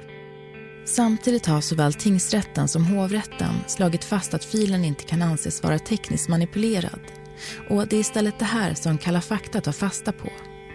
I en faktaruta skriver de att varken hovrätten eller tingsrätten anser att filen varit manipulerad. Varför väljer ni inte att berätta det här? Hon hävdar själv att det är för att hon inte kan skicka så, eh, en så pass stor ljudfil. Jag vet inte om det stämmer. Jag vet inte om det stämmer. Nej, men... Det är väl bara att ta reda på det. Ja, du, har du testat att ställa en fråga om det då? För Hur stor ni- är ljudfilen? Hur försöker Ja. du skicka den? För vad var det ni skrev i er lilla faktaruta? Ni sa att det inte var att, att, att, att tingsrätten har sl- fastslagit att det inte är manipulerat. Nej, inte rent tekniskt. Hon har inte haft någon typ av låtsasröst eller nu vet, jag var seta i något konstigt ljudprogram. Den var klippt. Det säger Det är alltså ju rätten. manipulerat. Klippt är ju manipulerat. Ja. Jo, men absolut. Men inte så, det, de menar ju på att han har anklagat även att någonting har skett med eh, det som händer där. Och det är inte det de, de svarar på något helt annat. Och Kalla fakta nämner inte det. Och bara Nej. tycker att, nej men hon säger ju att det är någon annan anledning. Jo, jo vi vet det. Men, men det är väl också relevant. Det är väl superrelevant. Eh, Men där blir det ju en avvägning för vad som är relevant för tittaren. Superrelevant. Jättesuperrelevant. Eh, Om man läser både hovrättsdomen och tingsrättsdomen så tycker de inte att det är speciellt konstigt att hon har plockat ut den här delen. Eh, och de har senare på, jag tror att det var försvarets begäran, sedan fått ut hela ljudfilen som inte är manipulerad. Eh, Vi tar till exempel, och här, här blir det ju en form av urval. Eh, det vi inte heller tog med som handlar om Lamberts fall det är att hon till exempel var motvillig. Det tog över en månad innan hon ens ville ställa upp eh, och medverka i den utredning som var Göran Lamberts. Det kan man också tycka är en relevant sak men som vi ansåg att hon ställer till slut upp och, och därför har det inte en så stor relevans. Men för det är ändå ni som tar upp den här biten tänker jag. Varför ställer ni inga frågor till henne? Där gör vi ju bedömningen som jag sa att i och med att hov, hovrätten och tingsrätten har fått hela materialet eh, så, så, så, går vi inte vidare på det. Det vi däremot tar upp... Jag bara säga en sak. Hovrätten säger att det är osannolikt att det här just har skett av en slump. Sen säger de att Ja, de, alltså att de, de kan ju liksom inte styrka någonting annat än kvinnans. Det, det är ju bara, var ju kvinnan som gjorde det. Hon är den enda som vet någonting. Och de mm. kan liksom inte motbevisa att det var av något annat. Men de säger att det är osannolikt att det gjordes av en slump. Sen om vad orsakerna var till att de gjorde det, det kan man ju diskutera. Men de kan ju inte bevisa något annat. Och det är det här, det blir så jävla play on words. Ja, det är bedrövligt. Det är allt jag har att säga med henne, det är ju varför överhuvudtaget hon bandar och det får hon ju frågor om. Men inga frågor om den här fabriksutställningen? Nej, inga frågor om fabriksutställning eftersom varken hovrätt och tingsrätt tycker att det är relevant och det ser man också i domen. En del av programmet handlar också om ett sms som ska ha skickats under kvällen. Det kommer ett sms till hennes telefon eh, när hon då enligt en, e, egen utsago eh, ska vara däckad. Eh, det smset besvaras. Emma menar att det är Göran Lambert som besvarar det. Göran Lamberts menar att det är Emma som besvarar det. Vilka egna kollar har ni kunnat gjort på de här uppgifterna? Vi har som sagt var pratat med dem som har väldigt god insyn i utredningen. Och det här är ju ett problem för Emma. Eh, utredningen eh, har väldigt svårt att bevisa vem det är som har svarat på det här smset. Och det är relevant. Eh, det talar emot henne skulle jag säga. Eh, hon hävdar att det är Göran Lambert som har svarat på det. Han hävdar att det är hon. Men varken vi eller utredningen kan slå fast vem som verkligen har svarat på det här smset. Kommer du ihåg vad det stod om det här? Ut, av utredaren finns det ingenting som så här, tyder på att det är manipulerat eller hur de framställer alla de här sakerna kring det. Det är liksom så här, det är hela tiden till hans nackdel. Men nu, ja, ja men det här talar ju faktiskt till hennes nackdel, säger de nu helt plötsligt. Ja, det framkommer inte någonstans i programmet. Men frågan om varför Lambert skulle ha skickat det här smset från hennes telefon ställs aldrig. Istället beskrivs det i en faktaruta varför ställer ni inte de svåraste frågorna till henne? Det är ju mycket av det som kanske kan ligga henne till last läggs ju i de här um, faktarutorna som dyker upp. Varför väljer ni att göra så? Alltså, vi frågar om hon är manipulativ. Nej, hon frågar, eh, de säger så här, eh, han beskriver dig som oerhört manipulativ, varför tror han gör det? Det är så de ställer frågor. Inte... Ja, de kallar inte henne manipulativ. Det kan uppfattas som manipulativt. Vi frågar henne varför hon är med i tre våldtäktsutredningar. Vi ställer, för den som har tittat på programmet så ställer vi de svåra frågorna till henne. Och det tycker jag också har gjort den här historien väldigt spännande. Där kan vi ge oss. Ja, Spännande, bra TV. bra TV. Jag tycker inte att det låter som att de har ställt särskilt eh, svåra frågor. Nej, det har de absolut inte gjort. Men när de får sparken från Kalla fakta kan de ju kanske få lov att jobba på Hur kan vi? jag tror faktiskt... Ja, är du Jävla trött varg. Jag ska, jag ska verkligen inte dra ut på det här. Jag ska inte dra ut på det här längre. Och jag, jag ska än en gång avsluta med. Kvinnor generellt ljuger inte om övergrepp. Det är inte heller ett problem med den här utredningen. Problemet är inte med den här utredningen att kvinnan har bara utsatt för övergrepp vid tidigare tillfällen. Det skulle de mycket väl kunna bli. Problemen är att i alla tre tillfällen så finns det omständigheter som pekar på någonting helt annat. Och som är extremt besvärande. Jag tycker att det mest konstiga i efterspelet av att det har varit ganska jävla tyst i media. Ja, riktigt jävla tyst i media runt det här. Och det är väldigt lite folk som verkar vilja ta i det här längre. Och det tror jag... Ingen som orkar bry sig. Nej, jag vet vad jag tror det är. Jag tror att det blir för många andra att man ser det här. Och det blir bara för jävla konstigt. Det blir för mycket. Det blir lite för mycket grejer som ska falla in. Det finns lite för mycket konstiga sms och lite för länge sms dem emellan för att man ska liksom köpa att det här har gått till på det här sättet. Och än en gång, en kvinna skulle kunna ha med sin förövare att göra långt efter sitt övergrepp. Det är ingenting nytt heller. Men, men hela tiden här utmålas hon som det oskyldiga lilla, lilla lammet som aldrig har förstått någonting annat. Hon har varit in...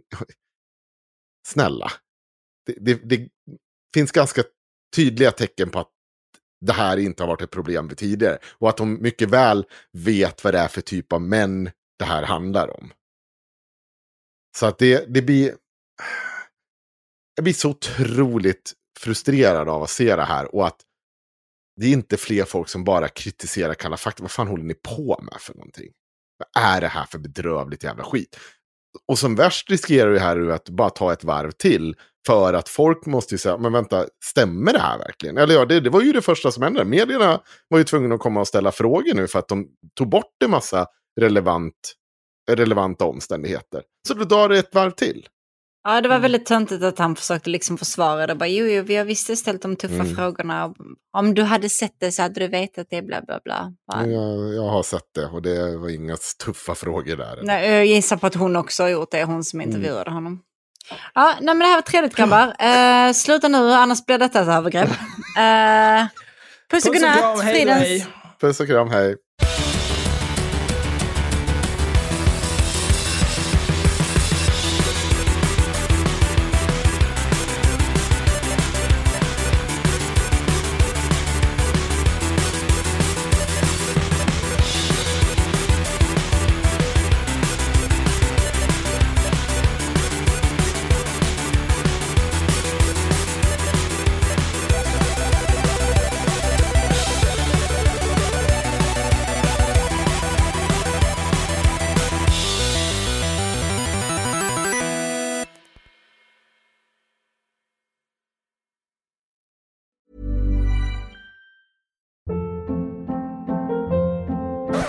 Hold up. What was that? Boring. No flavor. That was as bad as those leftovers you ate all week. Kiki Palmer here, and it's time to say hello to something fresh and guilt-free. Hello Fresh. Jazz up dinner with pecan-crusted chicken or garlic butter shrimp scampi. Now that's music to my mouth. Hello Fresh. Let's get this dinner party started. Discover all the delicious possibilities at hellofresh.com.